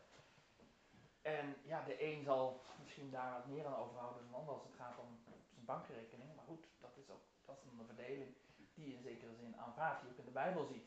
Ja, waarvan letterlijk in de gelijkenis door de heer Jezus wordt gezegd, ja, die man die die penning uitdeelt aan de mensen die kort of lang hebben gewerkt, die zegt, nou, mag hij dan niet zelf weten wat hij met dat geld doet? Het is toch zijn bezit? Heer Jezus ook wel gewoon het, ja, het, eigenaarsrecht, eh, het ondernemerschap eigenlijk gewoon aanvaardt. En dat wordt ook in de brieven door de apostel gedaan. Hè? Nergens wordt gezegd dat, dat dat niet zou mogen. En dat is dat je eigenlijk allemaal gelijk zou moeten zijn. Die verdeling mag er zijn, werkgever, werknemer. En dat er dus ook verschil is aan opbrengsten. Ja, want dat wordt wel eens gezegd, van christen zou dat niet moeten willen. Hè? Zou iedereen gelijk moeten zijn, gelijk moeten delen. Uh, nou ja, dat is even mijn, mijn notendop. Uh, van, als het gaat om hoe het in Nederland gaat. Ik denk dat, dat het in zekere zin best goed gaat. Ja, zoals het bij ons uh, is georganiseerd. Maar reageer dus. Anderen. Het, is maar een mening. Nou, wat ik ook wel mooi vind bij het volk Israël is hoe, hoe God zeg maar alles, uh, zeg maar de, de, de, de, de middelen zeg maar voor, voor levensonderhoud, eigenlijk de, de landverdeling in die agrarische samenleving, hoe dat verdeeld wordt en hoe dat ook iedere 50 jaar weer uh, ja, wordt ja, zeg maar, een soort herverkaveld, dat iedereen toch weer uh, de mogelijkheden heeft om in zijn eigen levensonderhoud te voorzien. Hè? Dat, dat zeg maar eh, de, de ja, misschien wat sterker zeg maar, de verwording waarbij mensen slaven worden of, of van bezit beroofd worden, dat dat, eh, in, in een mechanisme, toch, met een mechanisme toch weer steeds wordt gecorrigeerd, omdat dat wel een ongewenste situatie is. Dus ik denk dat wij ook in onze samenleving erop gericht zouden moeten zijn dat iedereen de mogelijkheid heeft om zichzelf te ontwikkelen en in de maatschappij deel te nemen en een inkomen te verwerven om voor zichzelf en zijn gezin te zorgen. Ik denk dat dat een heel mooi principe is. Wat je dan bij Jozef eigenlijk weer minder ziet, eh, maar wat in het volk Israël toch duidelijker zeg maar, als, Ja. als, als een principe zeg maar, neergezet wordt vanuit God vandaan, zo is het, dat God eigenlijk zo wil. De sociale wetgeving was in Israël van heel hoog niveau. Eigenlijk heel bijzonder. Als je dat vergelijkt met andere eh, niveaus van wetgeving, sprong Israël echt uit. De zorg voor de zwakken, voor de armen. Er mocht geen armen zijn in Israël. Hè? En inderdaad, die, dat jubeljaar is toch natuurlijk fantastisch. Dat iemand het weer terugkrijgt. En je eigenlijk ook nooit je, je grond echt kon verkopen. Het was altijd eigenlijk pacht. Want je wist, 50ste jaar, dan gaat het weer terug. Dus je kreeg aan prijs ja, de resterende opbrengstjaren die er nog waren. Eigenlijk een hele mooie gedachte inderdaad. Dat je niet je leven lang slaaf zou zijn als je jezelf had moeten verkopen. Ja, dat, eh, ik, ik vind dat ook hoor. Zeker. Dat zie je bij Boas en Rut natuurlijk heel mooi geïllustreerd hoe dat dan ging. En als dan iedereen ook zijn echte plicht waarneemt. Je ziet dat die man die voorbij kwam, letterlijk staat hè, de man zonder naam. Die het niet wilde. Hij wilde wel de voordelen, maar niet de nadelen. Want dan moest hij Rut huwen en daar had hij geen zin in. Hij zei nee, want dan, eh, nee, dat, daar gaat het niet om, zegt hij. Dus hij, eh, hij wil verder ja, graag van afzien, terwijl het zijn plicht was om het te doen, om haar te lossen. Ja, en eh, ik vind dat wel heel mooi, dat je ziet inderdaad dat er ook mensen zelfs zo konden delen in de opbrengst. Kijk naar Eliezer, hè. Abraham zegt, Eliezer gaat straks alles krijgen. Dat, dat gewoon de, de belangrijkste knecht, de erfgenaam zelfs wordt. En zie die verhoudingen waren ook veel meer familieverhoudingen.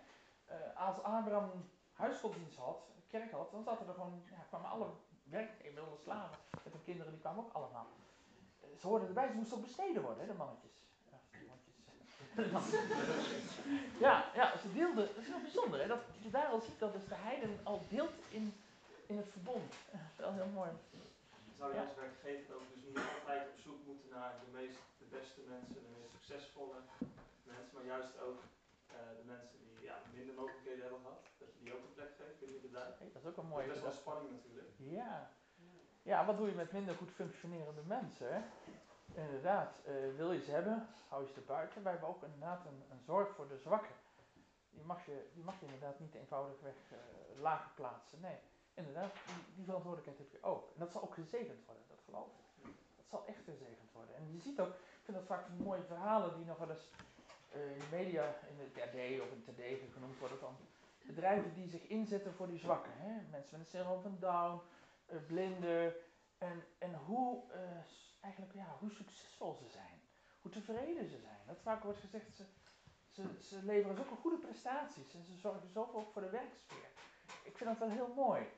Ik denk even aan een gezinnetje waar ik een keer was, waar een jongen was met syndroom van Down. En dat dat gezin vertelde, ja, wij zijn heel anders met elkaar omgegaan sinds wij ons broertje hebben. En toen vertelde dat eens, nou zei ze, wij, eh, wij, wij gaan nooit ruzie maken waar hij bij is. Mogen we nog zo, mogen we natuurlijk nooit doen, maar eh, we weten dat hij het heel erg vindt, dat hij daar niet tegen kan, dat hij heel gevoelig is. En je merkt inderdaad in dat gezin dan die jongen zo'n plek in, dat hey, wat mooi eigenlijk. Dat, dat deze jongen, eh, dus deze dimensie aan het gezin geeft. En dat kan dus ook in een bedrijf zo zijn. Als je op die manier ruimte geeft voor zwakken, dan ziet iedereen van, hé, hey, het gaat niet om, om de beste te zijn. Ja, dat, is, dat is wel zo. Ik vind dat, ja, nou, de wetgever probeert dat natuurlijk ook te stimuleren. Wat is er mooier dan dat je ziet dat zulke mensen. Neem bijvoorbeeld die, die restaurantjes. Ik ga er altijd bewust eten. eh, met mijn kinderen ook van. Hoe heet het ook? De brownies en downies. Geweldig? Hoe zo iemand stralend eh, het op kon nemen en lekker, soms heel lomp dingen kan zeggen. Dat is toch geweldig dat dat kan en dat mag en iedereen het leuk. Anders kom je daar niet eten. En ze mogen helemaal zichzelf zijn. Dan denk ik, dit is wel zoals God het bedoelt hoor. En dan zie je dat zelfs van, ja, dat, dat we wel eens van wereldse mensen kunnen leren. Ook in dat opzicht. Die zeggen, ja, wij willen daar ook voor hebben. Dat wij dat dus ook moeten doen. Ja, zeker. Ja, u zegt de overheid stimuleert het natuurlijk. Nou, ik, denk niet dat het zo natuurlijk is, dat het echt iets Nederlands is dat dat gebeurt. En dat in Amerika, jij net bijvoorbeeld, daar, gebeurt, daar gebeuren wel soort die vanuit de nee, wij, voor heel, wij doen veel meer aan, in die zin, aan... eh, Wat ja, dat betreft ben ik blij hoor dat het niet maar Ja, 20% nee, dat is is, maar waar. 50%. Dat, eh, en eh, Europa loopt daar behoorlijk voorop, dat is waar. Ja, ja eh, Groot-Brittannië vindt het een drama dat eh, Europa zoveel doet. Dat komt veel ook uit Brussel, stimuleren van zwakke groepen. et cetera. Ja, maar dat is, dat is waar, dat is waar. Ja, zeker. Ik moet denken aan Marcus, hè. ik zei dat al zeker in de mail. Eh, Paulus was eigenlijk best wel hard. Als je dat leest, dat, dat, dat- daar lees je een beetje overheen. Maar er is een, een moment echt een enorm conflict ontstaan, een arbeidsconflict, over Marcus. Ken je de geschiedenis? Marcus is waarschijnlijk een kindje. Eh, ze denken dat hij de jongen is die in Gethsemane ook wegvlucht in zijn ondergoed. Een jonge jongen. En dat zijn moeder rijk, schatrijk is geweest en die opperzaal heeft gehad in eigendom. Men denkt ook nog wel hier en daar dat hij die rijke jongeling is geweest. Die zo leeft en dat leventje niet wilde opgeven. En dat zou heel goed kunnen, want later zie je namelijk dat hij weer de fout in gaat. Dan gaat hij op reis mee, want zijn oom Barnabas, die zegt, ik heb nou een hele aardige neef, die kan ons helpen op de zendingsreis. Nou, Paulus was goed, kom maar mee. En ja, op een ja, wat er is gebeurd weet ik niet, maar Marcus vindt het niet meer, niet meer zo fijn. En Marcus wil terug naar huis. Of hij verlangde erg naar zijn moeder, of hij vond het werk gewoon veel te eng en eh, de bedreigingen te groot. In ieder geval, hij wil naar huis. Nou, misschien heeft Paulus gezegd, jankert, dan ga je maar. Zoiets, weet je. Maar in ieder geval, het is echt hoog opgelopen. Hij is naar gegaan. En dan komt er een nieuwe zendingsreis aan. Paulus en Barnabas zijn weer terug in Jeruzalem. En dan zegt eh Marcus, mag ik weer mee? Oom Barnabas. Ja, zo'n Barnabas is goed. Paulus zegt, no way. Je gaat niet meer mee. Hij heeft ons in de steek gelaten. Hij is niet te vertrouwen. Hij is geen geschikte zendingswerker. En Barnabas, die blijft voor hem pleiten. Zegt, ja, kom nou. Misschien wil zich wezen een beetje christelijk. Hoe zou onze meester het gedaan hebben? Kom nou, Paulus, dit kan niet maken. En, maar Paulus blijft onverbiddelijk. Hè? Hij zegt, nou, hij gaat echt niet meer mee. En dat lo- loopt zo hoog op dat ze zelfs samen een conflict krijgen, een arbeidsconflict. En dan zegt Paulus, nou dan wil ik ook niet meer met jou, Barnabas. Als jij meeneemt, dan ga ik niet met je mee. En dan scheiden we. Hè? Dan gaan ze uit elkaar, Barnabas en Paulus. God heeft er een bedoeling mee, want je ziet dat ze allebei weer nieuwe gebieden gaan ontsluiten. Dus het conflict wordt nog goed gebruikt ook. Ja, dat is wel weer bijzonder. En het komt uiteindelijk goed, eind goed al goed. Want eh, wat schrijft later Paulus? Hij zegt, eh, ja, gaat allemaal niet zo heel geweldig met ons. Maar Marcus, nou, Marcus is me zeer tot nut. Met Marcus gaat het heel goed. Dus Marcus is er weer bij, later. En, eh, en Paulus heeft zijn visie bijgesteld. Marcus heeft bewezen dat hij toch, ja, of bewezen, nou ja, hij is gegroeid ook hierin. En laat zien dat hij ja, over die, eh, die eerste gevoelens heen is. En dat hij meer bestand is tegen alle prikkels en bedreigingen. Eigenlijk wel heel mooi. Hè, dus Barnabas heeft toch gelijk gekregen. En dat heeft Paulus dan misschien toch wel schoolvoetend moeten erkennen. ja, maar dat, dat, dat lees een beetje overheen, hè? Want het is natuurlijk wel heel zondig dat ze zo uit elkaar geraakt zijn. Dat, dat mag toch niet? In het koninkrijk van God zo tegenover elkaar staan. En ook van Paulus best hard. Misschien ook wel terecht. Weer Calvijn, ik ben dol op Calvijn, dat weet inmiddels. Ja, Calvijn zegt, ja, het is misschien wel een beetje hard, maar aan de andere kant, ja, dat Marcus een lesje moest leren, dat is, eh, dat is wel terecht. En eh, ja, dat hij dat die op die manier toch wel eh, gesanctioneerd werd, dat moeten we toch ook wel billijken. Het is een belangrijk werk geweest en je moet wel op elkaar kunnen vertrouwen. Dus ja, alleen Paulus had niet zo onverbiddelijk mogen zijn. Hij had hem wel een tweede kans moeten geven. En dat is dan weer de visie van onze reformator. Nou, mooie gedachte, hè? Ja. Het, is, het is natuurlijk wel het mooie dat je natuurlijk in, in de brieven natuurlijk wel heel erg de eigenschappen van een, eh, van een persoon terug kan zien. Want Johannes zal misschien veel anders rea- gereageerd hebben in zo'n geval dan inderdaad Paulus. Ik denk het ook wel. Ja, en je ziet, als je goed de brieven leest, dan zie je dat het op een gegeven moment ook niet meer goed gaat met Demas. Moet je eens opletten. Dan moet je, tik maar eens in op eh eh, Bijbel Online, Demas, dan moet je al die teksten gaan lezen. En dan zie je eigenlijk als Paulus hele aardige dingen zegt van andere zendingswerkers, dan zegt hij dat niet van Demas. Dan zegt hij eh, zeg maar aan het eind van de brief koetjes van. eh, ja, dat zo gaat het dan. Ja, dat doen ze heel bewust, zodat iedereen weet van hoe het met het zendingsteam gaat en dat die brief inderdaad authentiek is. Hè? Daarom doe je dat. Je begint de brief met te vertellen, doe de groeten aan die en aan die en aan die en aan die. Waarom doe je dat? Ja, om gezag te krijgen. Als ik kan zeggen, eh, nou doe de groeten aan, eh, aan, aan, aan Kees. Ik Kees goed. Dan Kees wel, oh, oh, dan is hij blijkbaar toch wel goede ingangen. En doe de groeten aan, eh, nou, noem een mensen bij daar. Die in de gemeente, zeg maar, bijvoorbeeld een, eh, een bijzondere positie hadden, leidinggevende, oudste enzovoort. Ja, daarmee had je gezag. Dus, en aan het eind doe je ook de groeten van, te zeggen, wij, wij zijn dit team. maar dan moet je eens opletten. Dan zegt hij, de, de een dan zegt hij is heel positief zo en die is zo ijverig. En, en, zat er, en de groeten van Demas. ja, dat is toch niet zo goed, hè? Eh, als je zegt, nou, als ik zeg dat van vijf mensen, geliefde broeder en zeer geliefde broeder en ontzettend fijne broeder. En uh, dan hebben we ook nog meneer Jansen. ja, dan voel je, er is iets aan de hand daar. Dus waarschijnlijk is dat proces ook meer en meer gevoeld van Demas trekt het niet meer. En Demas vertrekt op een gegeven moment ook. Is Demas een afvaller? Is het een ongelooflijk geworden? Wordt heel vaak gezegd, hè? Demas. In het van Veldkamp staat als dubieuze nou, dat is inderdaad denk ik wel terecht. Wij moeten oppassen met het snel te zeggen, Demas is uh, ongelovig geworden.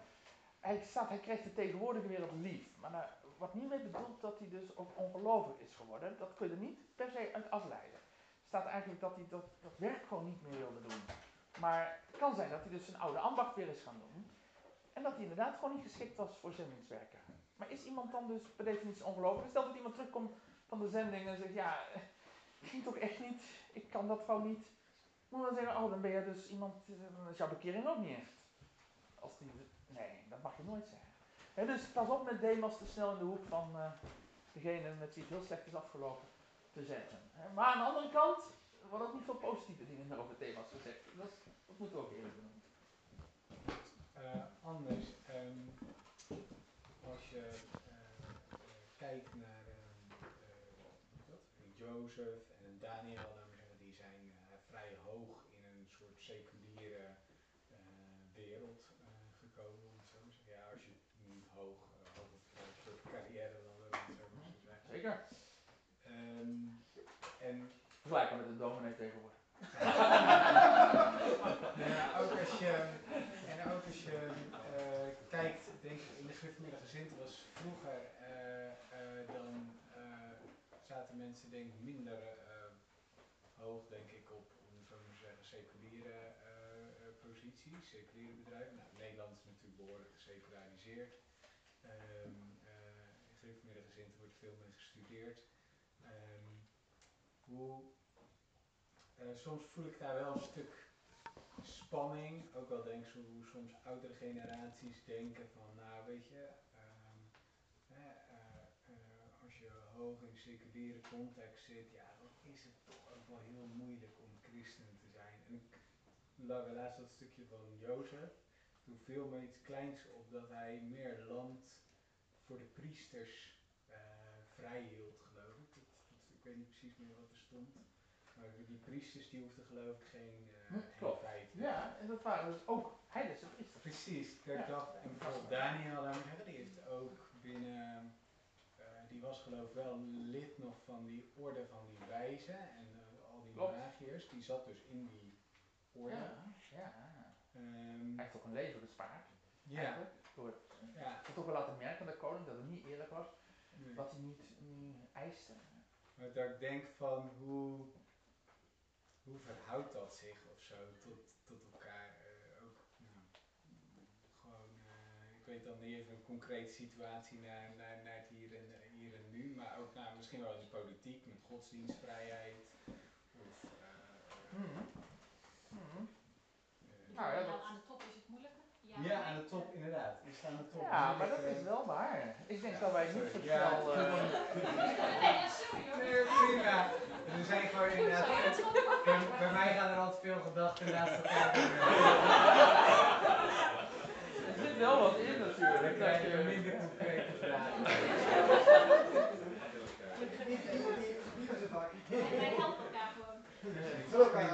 Ik denk dat het inderdaad op, ja, met, met je uitvoerend werk doet of, of topwerk, ja, iedereen loopt tegen, tegen het christen zijn op of juist ja, zal confrontaties mee gaan maken. Dat, dat geloof ik wel.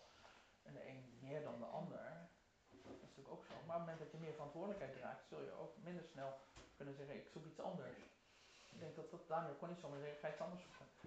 En je had hem wel daar geplaatst. En voor die drie vrienden gold dat ook. Uh, het is toch stukje roeping. Ik geloof ook niet dat je zomaar weg mag. Morgen voor de workshop. Loyaliteit. Je mag niet zomaar weg. Je moet erover nadenken. Waarom ga je weg?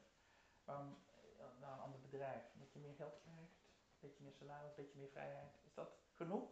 Zeg, vraag ik me gewoon, is dat genoeg om dan over te stappen? Uh, moet er niet meer zijn? Uh, of, of ga ik nou te ver om te zeggen, ja, dit is ook een stukje roeping waar je terecht mag komen. Dan zie je op dat soort posities ook niet dat het christen zijn misschien iets anders ingevuld wordt dan wij vaak verwachten dat het is. Omdat je toch met andere krachtbeelden te maken hebt. En, um, en mensen ook gewoon het christen zijn niet zo goed kennen. En, mm -hmm. en dat je ook zelf wel, denk ik, um, de flexibiliteit moet hebben om dat ook te doen. Op een andere manier te laten zien hoe christen zijn is. Ik Anders dan alleen maar zeggen, ja ik ga zondag naar de kerk. Um, of bijvoorbeeld bidden voor je eten. Uh, is dat het enige wat je uit over je christen zijn? Kijk naar een functionele burgemeester. Komt van de burgemeester. Nou, je ziet al wel dat wij in onze gezin ervan geleerd hebben. Er wordt veel minder. Je ziet dat burgemeesters veel meer ruimte hebben dan vroeger. Er werd al snel gezegd: Oh, hij had Sinterklaas binnen, hoe kan dat? dat hoort ook uh, en zo. Mensen hadden, minder, ja, hadden daar niet zoveel affiniteit mee. Zo van, nee, een SGP-burgemeester die deed dat per definitie niet. Ja, die liet zich Zwarte Piet neer. Uh, nee, dat is weer iets anders. Geen Ik vond het wel bijzonder dat de burgemeester Nunspeet, komt uit van oud gereformeerde huizen, is nu dan lid van de gemeente, dat is natuurlijk een heel behoudend dorp. Maar er uh, staat gewoon in de krant dat hij ook uh, het uh, suikerfeest heeft bijgewoond. Althans, dat hij daar naartoe is gegaan. En met de mensen heeft gesproken op dat feest. Denk, ja, dat had denk ik 20 jaar geleden echt nou, veel discussie opgeleverd. En nu staat het Minimaal. Van, ja, ja. En dan denk ik, ja. En ik hoorde laatst van iemand die schrift van de gemeente, zelfs ouderling was die. En die zat heel hoog in, bij het ministerie van Economische Zaken. Hij zei, ja, ik ben op zondag echt beschikbaar. Zij moeten dingen aan mij kunnen voorleggen als, als het de volgende dag naar de Kamer moet, ja, moet ik gewoon bereikbaar zijn. En dat stelt hij ook gewoon tegen anderen. Ja, dan is het daar, daarin inhaken is het niet dat deze wereld ook zoveel ingericht is op een, een 724 economie dat zo moeilijk dingen ook stil kunnen staan op een zondag. Dat is wel een dilemma waar we steeds meer mee te maken krijgen natuurlijk. Hè? Kijk, en nu kun je nog wel zeggen, ik, ik doe dit of dat niet, maar... Maar we verwachten wel dat allemaal maandagochtend dat we een broodkanaal in, in, in, in de supermarkt. En dat brood is meestal op zondag. En, en die vrachtwagens hebben met zondag bij mij ook gaan rijden, om het zo te zeggen. Ja, en, en, en die vrachtwagen komt op zondag met pech te staan, is het werkelijk de noodzakelijkheid, dat is niet. Maar dus het is wel dat we niet gewend zijn om buiten die kaders te stappen en te kijken uh, van wat is nu echt de essentie, waarom doe ik het? Ik heb het laatst ook gehad met een overname. Als je met een overname bezig bent, heb je met hele korte deadlines te maken en moet je gewoon leveren. Hmm. En dat resulteerde er ook in dat ik zondag aan de bak en ik vond het zelf wel lastig, want ik dacht, ja, hoe moet ik hier concreet mee omgaan? Ik vind de zondag heel belangrijk. Maar tegelijkertijd, ja, die deadline staat maandagochtend. Uh, collega's die doen een, een call op mij van ja, je moet leveren en weten dat je het een bijzondere dag vindt. Maar waar ben je? Nou, dan, dan zeg ik niet, ik ben er niet. Tuurlijk ben ik er. Ik ga gewoon met jullie meewerken om dit voor elkaar te krijgen. Maar ik merkte wel van, hier zijn we volgens mij nog niet heel erg ver in gevorderd in onze gezinten om daarover na te denken van ja, in dat soort situaties, wat voor uh, afweging kan je maken? En natuurlijk blijft de, het karakter van de rustdag blijft behouden. In de zin van graag wil ik uitrusten en ik pak ook een moment om met, met de Bijbel bezig te zijn en met God bezig te zijn. Um, en dat bedoelde ik meer van, proberen we ook op een andere manier naar dingen die we zo uh, gewend zijn, die we misschien ook heel belangrijk vinden, ook te kijken naar wat is nu de kern, wat pakken we nu uit? Dat deed Jezus De Sabbatdag. Ja, wat is nu de kern? Hè? De, uh, is de mens voor de Sabbat of de Sabbat voor de mens? En misschien moeten we die gesprekken ook meer met elkaar aangaan van waarom doen we het eigenlijk en wat is de essentie die het uitpakt? En wat kleurt jouw christen zijn? Wat, wat maakt dat je daarin christelijk handelt? Ja, om daar op aan te sluiten, een heel ander voorbeeld hoor, maar over de zondag. Um, soms stellen wij de, de wet zo hoog ten opzichte, ja, vergeleken met de liefde. Persoonlijk, maar familie-app uh, was een, iemand was gaan verven op zondag bij een onchristelijke vriend en daar werd best wel fel op gereageerd. Maar ze was dat gaan doen omdat ze helemaal alleen was en niks te doen had en niet was uitgenodigd uh, door de mensen uit de kerk. En werd gestuurd door iemand, ja, die heeft de leven perfect op orde en op zondag uh, gewoon allemaal mensen om me heen. Zo zie je, ja, daar kwam niet uit, zeg maar. Maar ja, dat is even nog als aanvullend uh, voorbeeld. dat dan zoiets heel erg wordt gevonden, dat verven. Maar ondertussen zit daar een heel verhaal achter. En dan, ja, Mhm. dat vind ik soms best moeilijk. Dat dat zo, uh, zo wettig wordt gezien allemaal. Leuk thema. Ja. Dat nou, misschien voor morgen, voor de workshops, voor alle workshops misschien wel. Ik vind dat wel een mooi thema, want inderdaad, stel, je kachel doet het niet meer op zondag. Ben je maar wat blij als, als jouw eh, loodgieter toch even langs wil komen. En terwijl ze zeggen, ja, maar die loodgieter mag toch niet werken op zondag? Je kunt ook best een beetje in de kou zitten. En terwijl ze zeggen, ja, maar het is toch fijn als het even iemand komt kijken. Uh, zeker als het echt koud is. Ja, ja. Nou, het is inderdaad wel een dilemma van hoe ga je daarmee om? Ja, ik vind het een goed punt. En ik denk dat Daniel ook daarin best wel concessies heeft gedaan. Dat moest wel, dat blijkt wel. Maar eh, aan de andere kant zegt hij, ik, drie, drie keer per dag zie je mij wel in gebed. En dan nam hij tijd voor en deed het ook publiek. Dus hij, waar, er was blijkbaar voor hem echt duidelijk een grens. En dat was bij die drie jongens, zag je dat ook. Dit was de buitengrens. En daarbinnen hadden ze best wel, ja, gaven ze ruimte. Anders konden ze daar niet in functioneren. Dat ging gewoon echt niet. Dat uh, in zo'n seculiere maatschappij. Dat vind ik ook wel een mooi voorbeeld. Want hij pakt dan, Daniel pakte wel de ruimte om zijn eigen dingen te doen. Wij hadden het net over Mike Pence, die dat bijvoorbeeld ook doet. Door iedere ochtend een half uur bijbelstudie te doen in zijn kantoor. En dan mogen medewerkers hem ook gewoon niet storen. Dan hadden wij het er ook over van pakken wij die ruimte ook op het werk om dat voor onszelf zo in te richten. Want je ziet moslims het bijvoorbeeld ook doen door die gebedsmomenten te hebben. Terwijl ja, wij zelf of we zijn het niet gewend of Of we roepen pakken als het op. Ja. Maar tegelijkertijd zeggen we, ja, we hebben zo weinig ruimte. Ik denk, ja, maar misschien moet het ook op een bepaalde manier dan ook zelf organiseren. En zelf ook invullen. Op een andere manier dan dat je kennelijk gewend bent. Eh, Is waar. Ik herinner me een keer een oudere collega, toen vertelde ik dat ik ja, toch wel heel erg dacht aan een roeping eh, voor dominee. En dat die oudere collega had met Joodse wortels en die zei, hm, ik wist niet dat het zo voor jou speelde. Ik vond dat best wel een eerlijke reactie, niet zo'n fijne reactie natuurlijk. Oh, dus ik ben niet zo zichtbaar geweest. Nou ja, volgens mij ging jij best wel voor, uh, ja, ervoor. En ik, ja, ik wist dat hij christen was en de kerk gaat alles, maar dat dat nou zo speelde. En ik vond dat, het een andere collega, nou, ik heb er wel meer van gezien. Daar was ik dan op zich wel weer blij mee. Maar aan de andere kant, ik vond het een eerlijke analyse. Ik dacht, dan heb ik toch, dan ben ik misschien dan toch niet goed genoeg in geweest om het zomaar te zeggen dat ik echt, uh, ja, heb laten zien dat het het belangrijkste was in mijn leven. Ja. Nou, daar moet je dan ook eerlijk mee omgaan. Dus ik heb dat later gezegd, bedankt voor je eerlijke reflectie. Dat heeft me echt tot, tot nadenken gezet. En, uh, ja, ja. Dus zijn wij inderdaad, uh, ja, laat het zien dat het zo voor ons leeft. En laat, laat dan gewoon inderdaad maar zien dat je de tijd neemt om ook even in Gods woord te studeren. Zoals laatst iemand vertelde, die in Den Haag werkt bij de rechtbank. Dat zegt, ja, het was wel heel mooi toen, dat ze kon dat het anders werd in haar leven. Dat de Heer begon te werken in haar hart.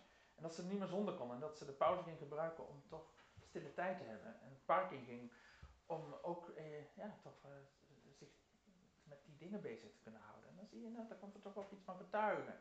Hè, zonder dat je misschien iets zegt, maar ze zeggen wel, hé, hey, hey, dat, is, dat is voor jou heel belangrijk. Ja, dan kunnen we van de moslims wel wat leren, ja. Dat is waar.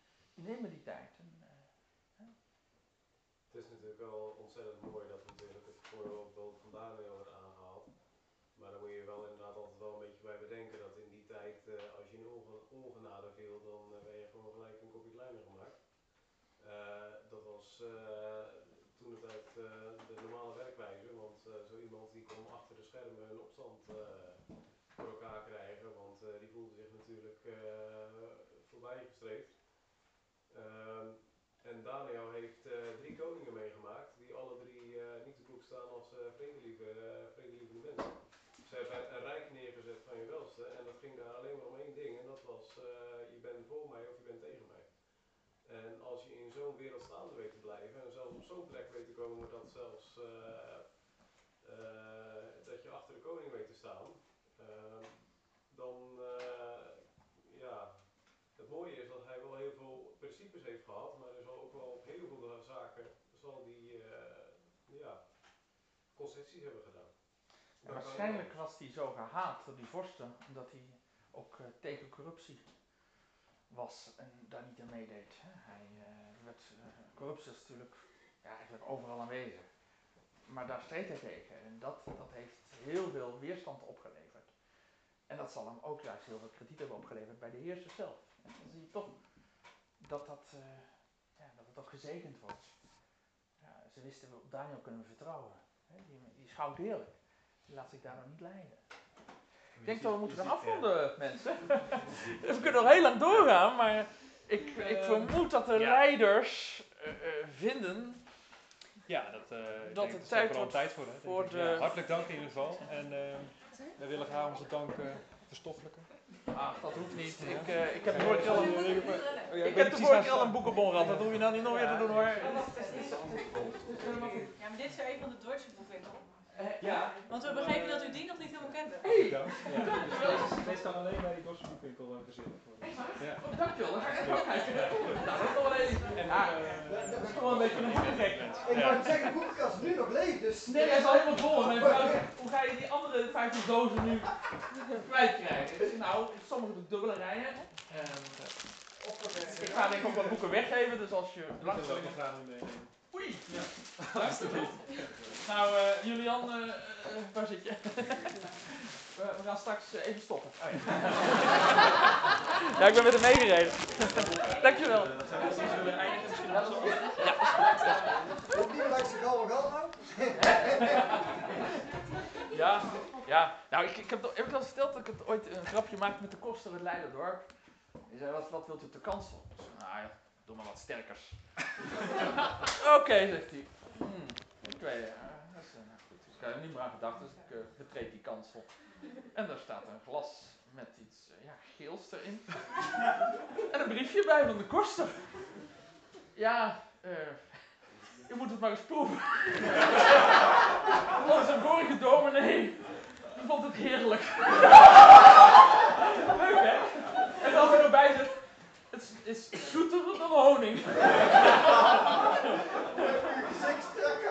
Ja, ja, mooi hè? Ja. Ja, zo, zo ging dat. Ja, ja.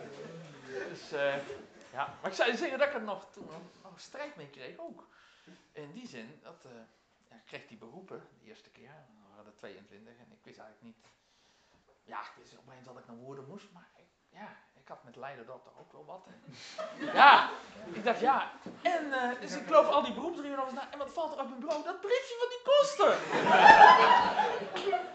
dus ik, ik zat in zak en as. Ik dacht ja, ik moet, moet dan toch naar Leiderdorp of zo. ja, echt. Maar ja, toen kwam mijn vrouw, wat heb jij gezegd? Ik zei, nou ja, dat briefje, ik, ik doe even normaal, zegt ze. Met dat briefje kun je niet naar Leiderdorp. nou ja, dat was ook alweer een punt. dus ja, dat was ook alweer een verstandig oordeel, hè? Daarom zijn die andere postetjes weggehaald van tevoren. Ze was, de, ja, ik denk het ook.